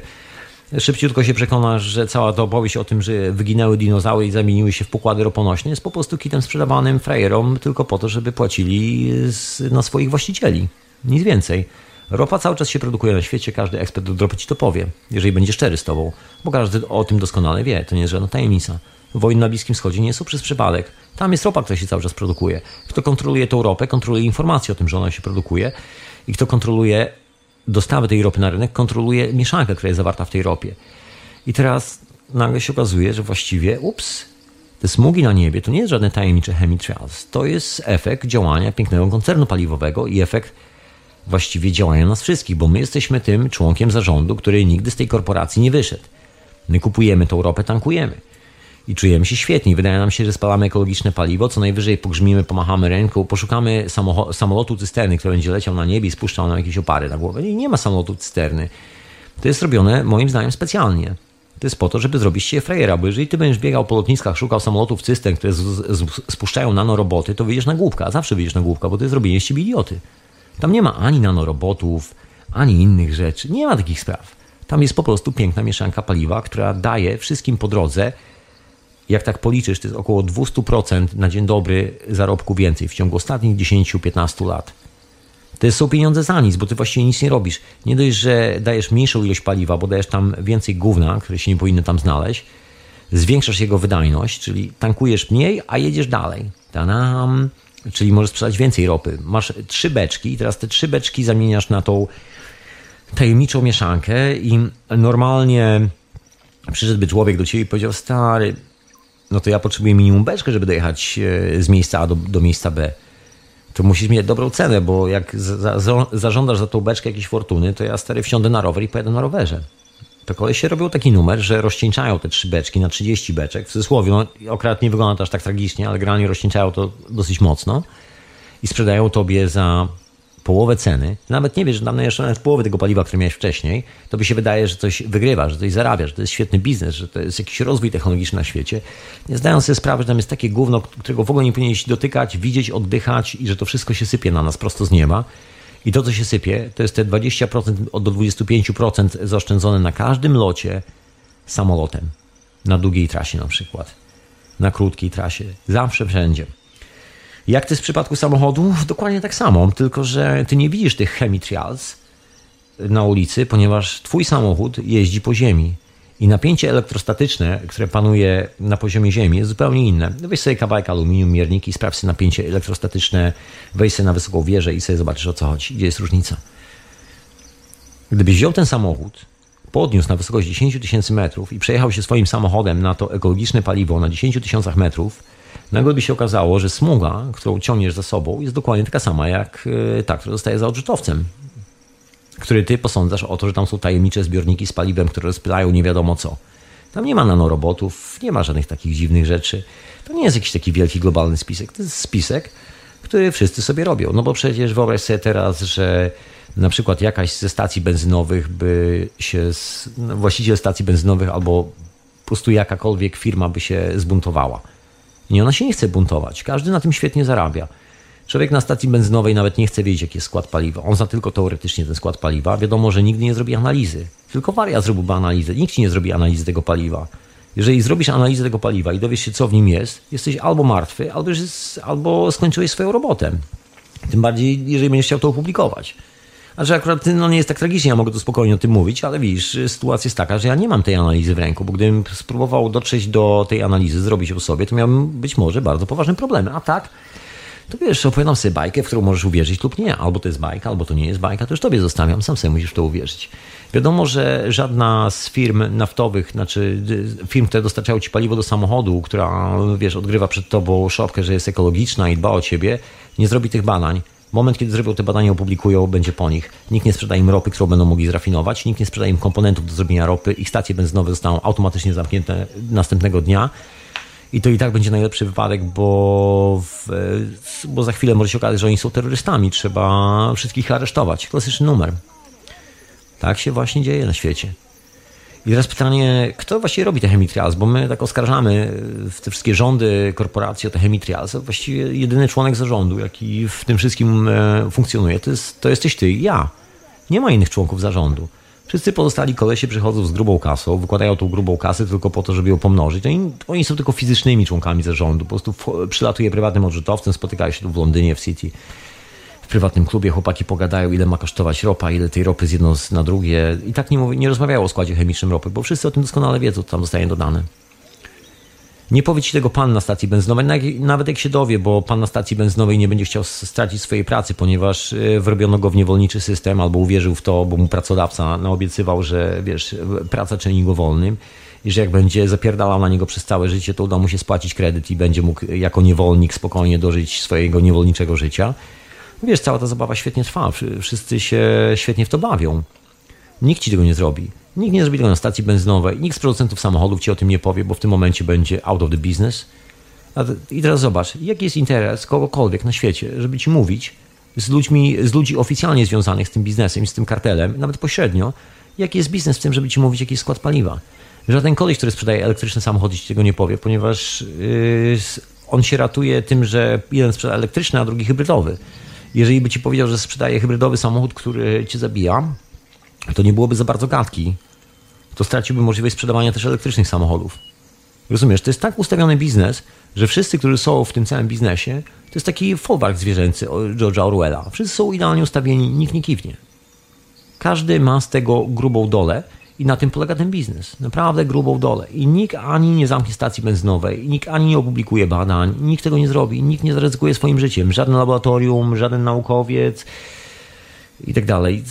Idą poważne pieniądze, tak po cichu, żeby robić z ciebie kretyna i opowiadać ci bajki, że zrzucać się nanoroboty na głowę, że zrzucać się jakieś wirusy na głowę, że to są jakieś tajny rząd, tajne loty wojskowe, nie wiadomo co. Nie, nie, nie, to nie są tajne loty. Przyjrzyj się na siatkę na niebie, która powstaje od Chemitrials to nie są do końca takie, wiesz, zrzuty, jak, jak nam się wydaje, to są po prostu linie rejsowe. Jak się zmienia wiatr, zmienia się pogoda, to li, linie rejsowe są zmieniane, bo samolot wtedy mniej spala. Lecisz z wiatrem. Zawsze zasada polega na tym, że starasz się lecieć samolotem z wiatrem po to, żeby spalić jak najmniej paliwa. Dlaczego piloci samolotów są niewyspani, zmęczeni itd., itd., itd.? Bo chodzi o to, żeby samolot non-stop latał. To jest maszyna, która przynosi dochód. Jeżeli lata, to musi spalać paliwo. Jeżeli spala paliwo, to nie może spalać go dużo. Musi spalać mniej paliwa. Jeżeli pilot ma do wyboru drogę, która ma wiatr w plecy, a korytarz powierzchni jest szeroki, to nie jest autostrada ogrodzona słupkami, że może tylko dwa metry w lewo albo dwa metry w prawo i to wszystko. To jest powietrze. Ty możesz skręcić parę kilometrów dalej, parę w górę, parę w dół. Znajdujesz ciąg, który pcha twój samolot żebyś miał wiatr z tyłu, żebyś jak najmniej ropy spalił, żebyś doleciał z największą ilością ropy do kolejnego lotniska, żeby jak najmniej zatankować, żeby armator tych samolotów mógł zrobić jak najwięcej. A tobie się opowiada, że musisz zapłacić dodatkowe pieniądze, ponieważ koszty eksploatacji samolotów wzrosły. Gówno prawda, nic nie wzrosło. Wręcz odwrotnie. Każdy z tych frajerów zarabia aktualnie o dosłownie, no nie wiem, można powiedzieć 10 razy więcej dokładnie za to samo, przy nic nie robiąc. I najsmutniejsze w tym wszystkim jest to, że to są toksyczne trucizny, które spadają nam na głowę i wszyscy płacimy cenę swoim własnym zdrowiem, ale nikt się nigdy do tego nie przyzna. Nikt na stacji benzynowej się nie zająknie na tym, że bo on sprzedaje paliwo, to co straci swoją robotę. Lekarze czy ludzie laboratorium rządowym się o tym zająkną? Nie, bo stracą swoją robotę. Kto chce wystąpić e, naprzeciwko koncernom naftowym? Nikt nie chce wystąpić. Jeżeli odkryjesz przez przypadek, jak produkować ropę naftową a powiem Ci, że nie jest to naprawdę wielki problem. Potrzebna jest Ci duża, wysoka rura. Miedziana może być, e, stalowa, taki wiesz, e, musisz zrobić taki, może być reaktor, taki kontener ciśnieniowy, zamykany i praktycznie każdy plastik, każdy śmieć jesteś w stanie przerobić, zrafinować na oleje, na ropę naftową, a później z tej ropy zrobić najczystszą benzynę. Tylko, że jeżeli to zrobisz, automatycznie masz bardzo poważne problemy, bo wszystkie firmy naftowe w tym momencie wpisują sobie y, twoje nazwisko i twój numer telefonu do notesu i dzwonią po swoich kumpli, żeby się tobą zajęli. Nie może wypuścić takiej ropy. Próba wyprodukowania nielegalnie, znaczy nie tyle nielegalnie, bo to jest absolutnie legalna ropa, ale próba wyprodukowania jakiegokolwiek alternatywnego paliwa automatycznie kończy się twoją śmiercią i twoim zniknięciem. Zobacz na paradoksy, które obserwujesz na przykład w Polsce. Ja obserwuję w Anglii to samo. Jest masa alternatywnych źródeł zasilania, takich normalnie do, samo, do samochodu, samolotu, do silników spalinowych, mówiąc oględnie. Możesz je wprowadzić i nagle się okazuje, że silniki spalinowe w rzeczywistości spalają mniej, nawet 20%, 15%, 50%. Jest masa tego, nawet po prostu szkoda mi tego wymieniać. Każdy, kto siedzi w tym biznesie, nie mówię o silnikach HHO, Mówię o normalnych patentach, które się stosuje w silnikach spalinowych.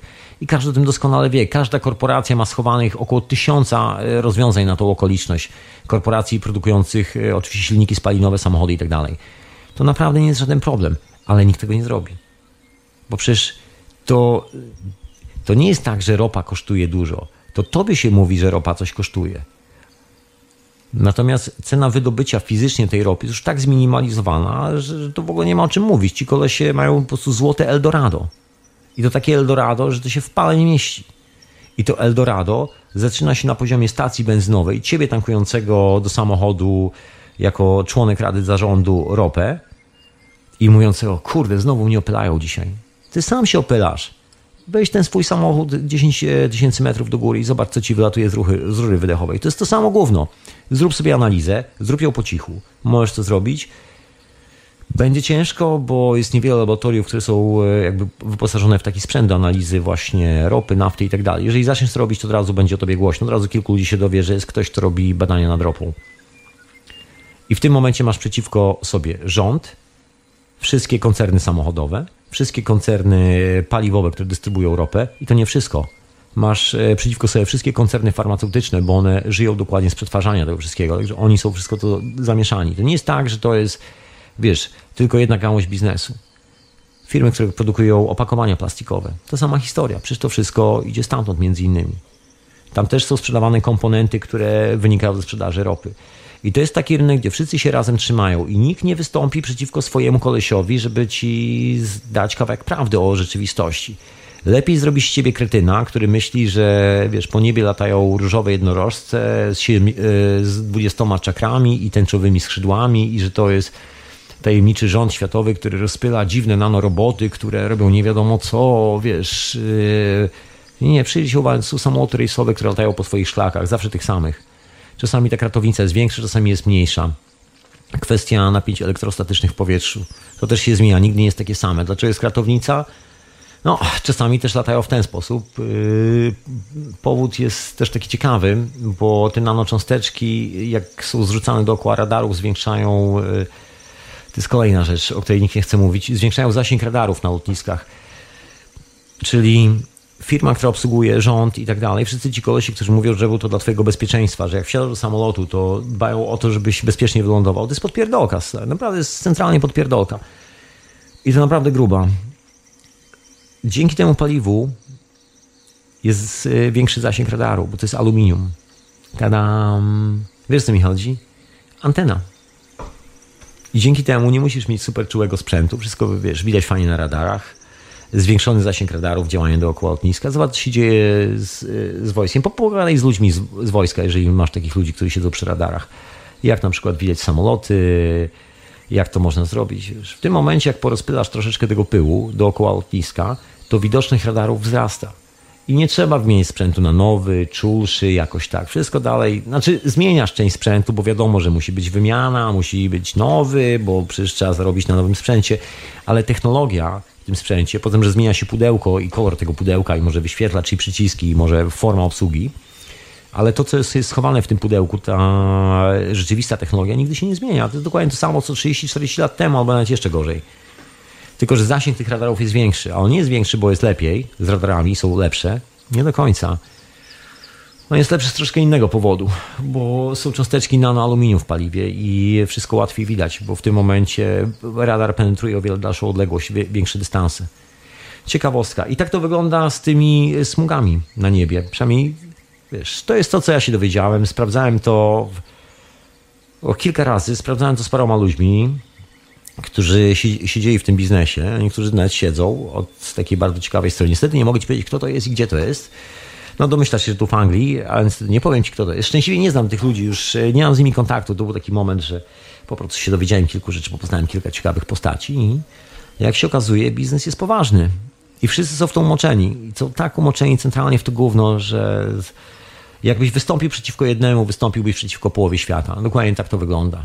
I najgorsze jest to, że ta połowa świata to są rzeczy, o których byś się nawet yy, nawet nie spodziewałbyś się, że to dokładnie tak działa, że są firmy farmaceutyczne, to są firmy kosmetyczne, które właśnie, bo firmy farmaceutyczne są pochodną firm zbrojeniowych i firm naftowych. Jeżeli przyjrzy się na, za, na zarządy na to skąd się biorą pieniądze, na to jakie, jakie fundusze inwestycyjne stoją za jednym i za drugim, to szybko zauważy, że to jest dokładnie ten sam, e, ten sam biznes.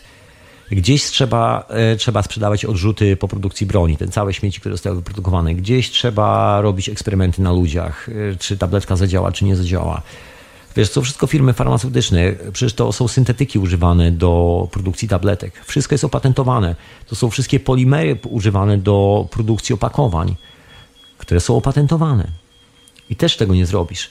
I to jest wszystko coś, co sięga bardzo, wiesz, głęboko, bardzo, bardzo głęboko. I to jest cały ten rynek skorumpowany ropą.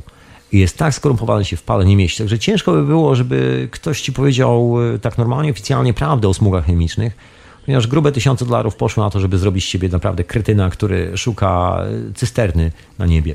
Nie znajdziesz tej cysterny nigdzie na niebie, nie znajdziesz jej nigdzie na lotnisku, nie znajdziesz nic z tych rzeczy.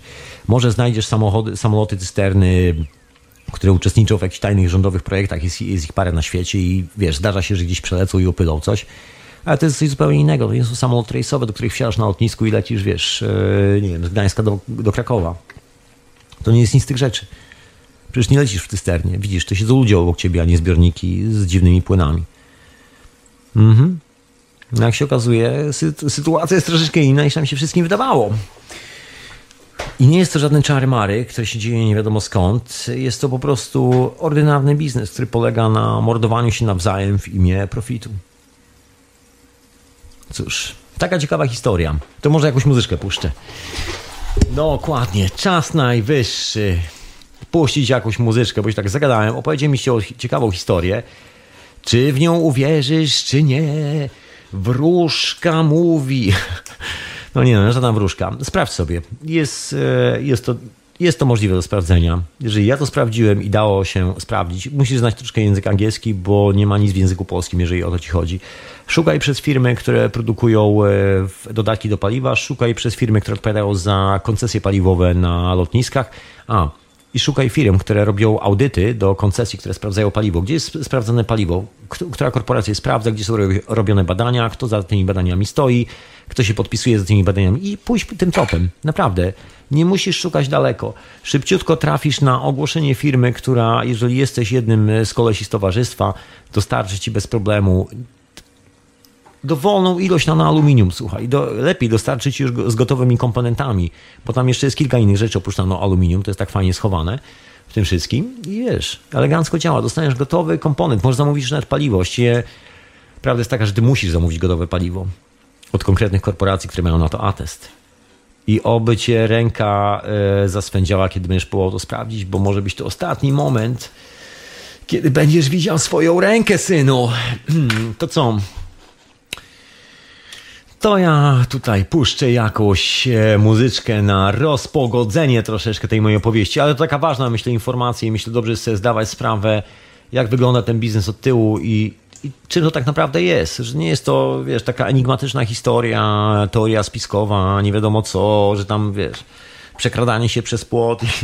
Nie, nie, to jest wszystko jawne, wszystko, jest, wszystko się dzieje na naszych oczach. Codziennie na każde lotnisko podjeżdża kolekcja cystern, tankuje te same paliwo, do, które. Te, znaczy o innym składzie, bo oczywiście nie jest. Lotnicze paliwo jest troszeczkę inne od samochodowego.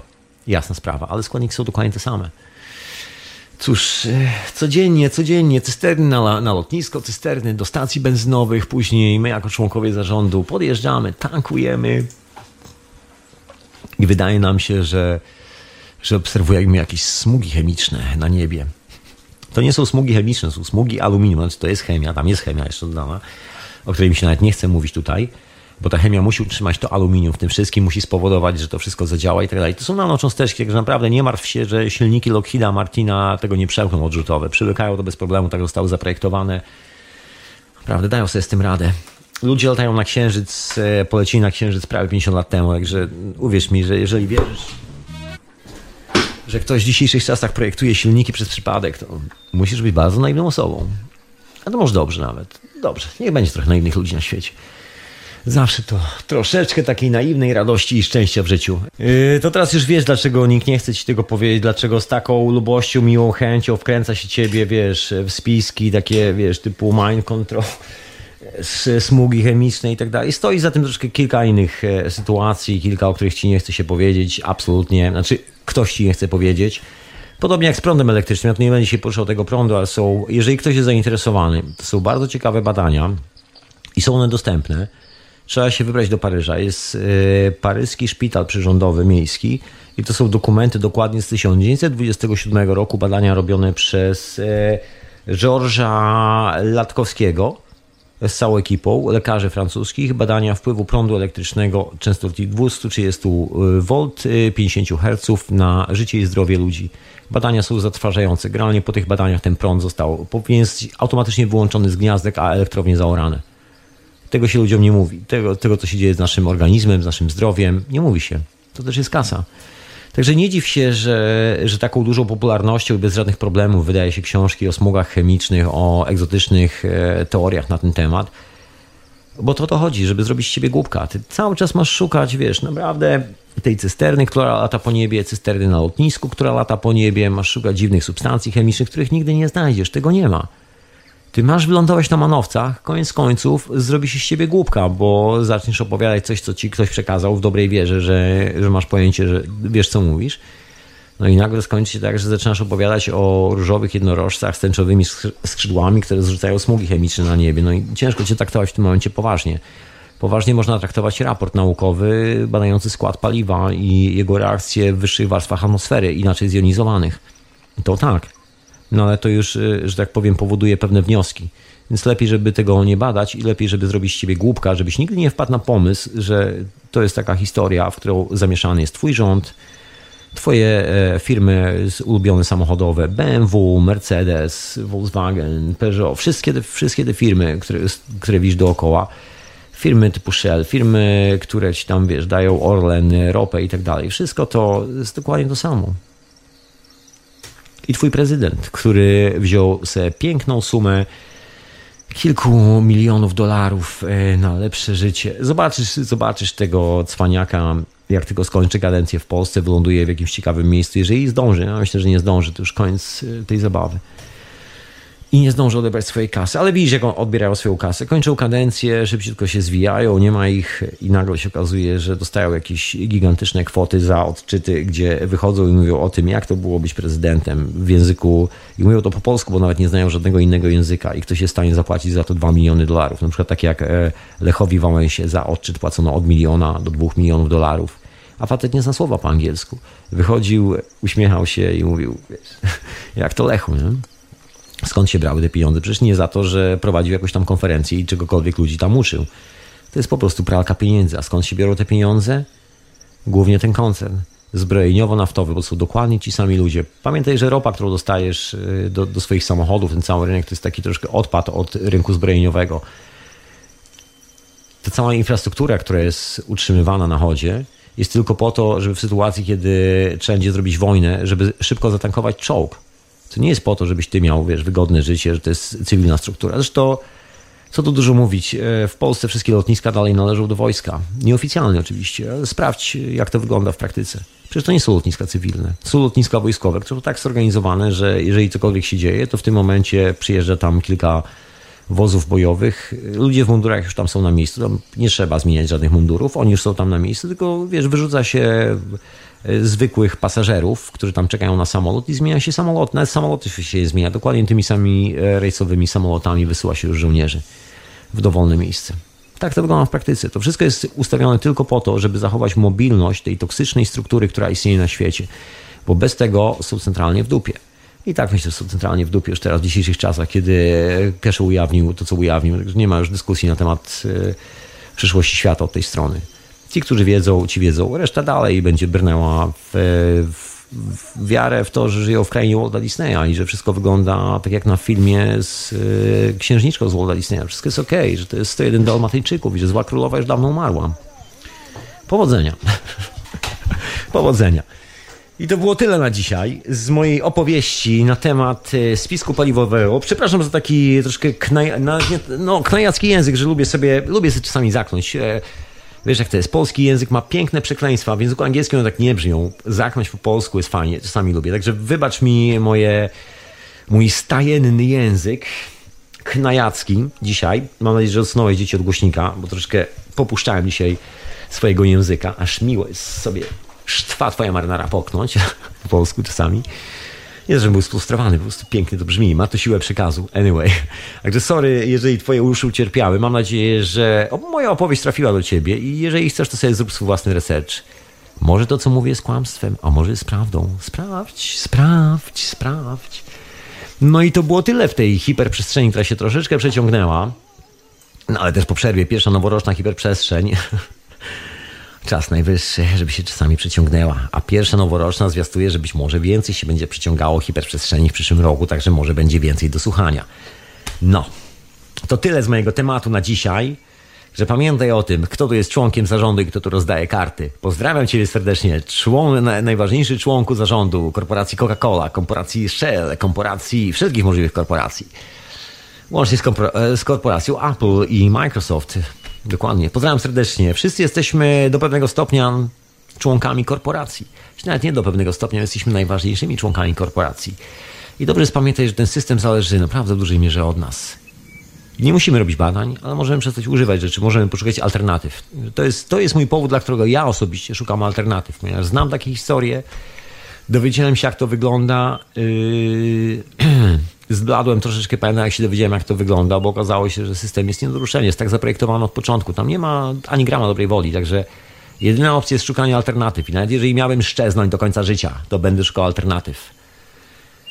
Taki jest pomysł. Szczęśliwie znalazłem. Także jestem z tym ok. Anyway, czas najwyższy, żebym zakończył swoją opowieść na dzisiaj. Jeszcze raz wielkie podziękowania z tego serca. Stukam w klatę dla Messie Iweliosa za, za wsparcie. Wielkie podziękowania dla Messie Grzegorza za wsparcie i w ogóle za doskonałą wyprawę. Tutaj Peace and Love Grzegorz. To była wielka wyprawa. Naprawdę nice. No i w ogóle pozdrawiam Ciebie, słuchaczu offline Ciebie, słuchaczu online.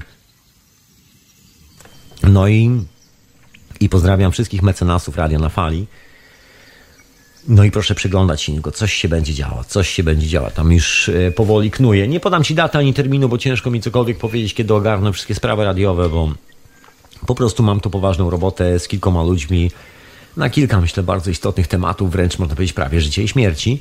Także wracam do systemów medycznych e, według, e, według technologii Cache i muszę się zająć kilkoma innymi sprawami dookoła jeszcze swojego życia. Także chwilę to jeszcze potrwa, ale spokojnie, radio jest, nadaje i jesteśmy. I ciągle słyszysz ciekawe opowieści, których nie usłyszysz w żadnym innym miejscu. I bardzo dobrze. Także dzięki Ci człowieku za odwiedziny, za to, że tu wpadłeś. Mam nadzieję, że nowy rok będzie dla Ciebie genialny. Ja myślę, że to jest genialny rok. To jest taki rok, który wow. Największą nagrodą dla mnie w tym roku jest to, że jeszcze, jeszcze się solidnie ziemia nie zaczęła trząść, także ja jeszcze przez parę chwil, a już się obawiałem, że tej zimy już nie będzie opcji, ale jeszcze przez parę chwil mogę pomieszkać w swoim ulubionym, ukochanym mieście. Mieście Londyn, które bardzo lubię. No niezależnie od tego, że jest tu City i bankierzy, ale to oni akurat nie tworzą mojego miasta, mojej rzeczywistości, także Wiesz, ja mam swój własny Londyn. I, i fajnie, fajnie jest, że jeszcze, że jeszcze jest taka okazja sobie pomieszkać, posunąć kilka refleksji, porobić kilka rzeczy w tym starym świecie, bo ten nowy rok zapowiada się troszeczkę inaczej i, i trochę się pozmienia. Ale o tym to może kiedy indziej, przy innej okazji. Także dzięki jeszcze raz za obecność. Dzięki Tobie, mecenasko i mecenasie, za wspieranie radia. Zapraszam w środę do księcia Edwarda, etykieta zastępcza, doskonałe opowieści. Książę ma taki celny punkt refleksji. Ja bym sobie życzył, żeby znakomita większość ludzi dookoła miała tak cenny punkt refleksji na temat rzeczywistości. Świat wyglądałby zupełnie inaczej, ludzie by mieli zupełnie inne wnioski i inne działania. Anyway, tak czy siak zapraszam Cię na y, etykietę zastępczą, a jeżeli chcesz posłuchać mnie troszkę dalej, zostać tu w Radiu na Fali, a właściwie w Radiu Paranormalium, bo dzisiaj jest transmitowane przez Radio Paranormalium głównie i do tego Radio Dreamtime Grzegorza, także pozdrawiam serdecznie przez, przez te dwa radia. A ja tu zostanę jeszcze trochę na wieczorową porę, bo tak sobie skręciłem tego joyta i wyobraź sobie, że nie mogę go w ogóle spalić. Także zostaję na wieczorową porę, żeby puścić jakąś chmurę miłości, pokoju z tobą, popuszczać troszeczkę muzyki po tej poważnej opowieści, którą ci opowiedziałem. No i do usłyszenia następnym razem i obyśmy mieli coraz mniej tej ropy dookoła siebie, bo to jest naprawdę, jak się okazuje, bardzo ważna sprawa zrezygnować z ropy. To jest troszeczkę takie klucz cywilizacyjne. Ja nawet nie będę mówił, czym jest ropa, tu w ogóle odpuszczę ten numer. Ale tak czy siak, nie jest to dobry pomysł. Ty jak chcesz, to sobie sprawdź, czym jest ropa i skąd się bierze. Anyway, dziękuję za słuchanie, wysłuchanie. Zapraszam za tydzień. Zapraszam na stronę RNF dla Cache Foundation. Jeszcze przypomnę wszystkim miłośnikom syntezy i technologii cache, że Kolektyw Go to the Forest odpalił kanał na YouTubie. Kanał nazywa się Technologia Plazmowa. Zapraszam serdecznie. Spotykamy się w każdy piątek i o 22 polskiego czasu i gadamy o technologii. Z kamerami live możesz zobaczyć moją twarz. Jak wyglądam, jak wygląda Tomek z Radia na Fali. Tam możesz mnie zobaczyć. Anyway, to wszystko na dzisiaj. Jeszcze raz pozdrawiam Iweliosa i Grzegorza za, za wsparcie tutaj techniczne dla Radyjka na Fali. Peace and love, panowie, i pozdrawiam Ciebie, słuchaczu, bardzo serdecznie z całego serca. Najlepszego w tym nowym roku. Peace and love. Yeah!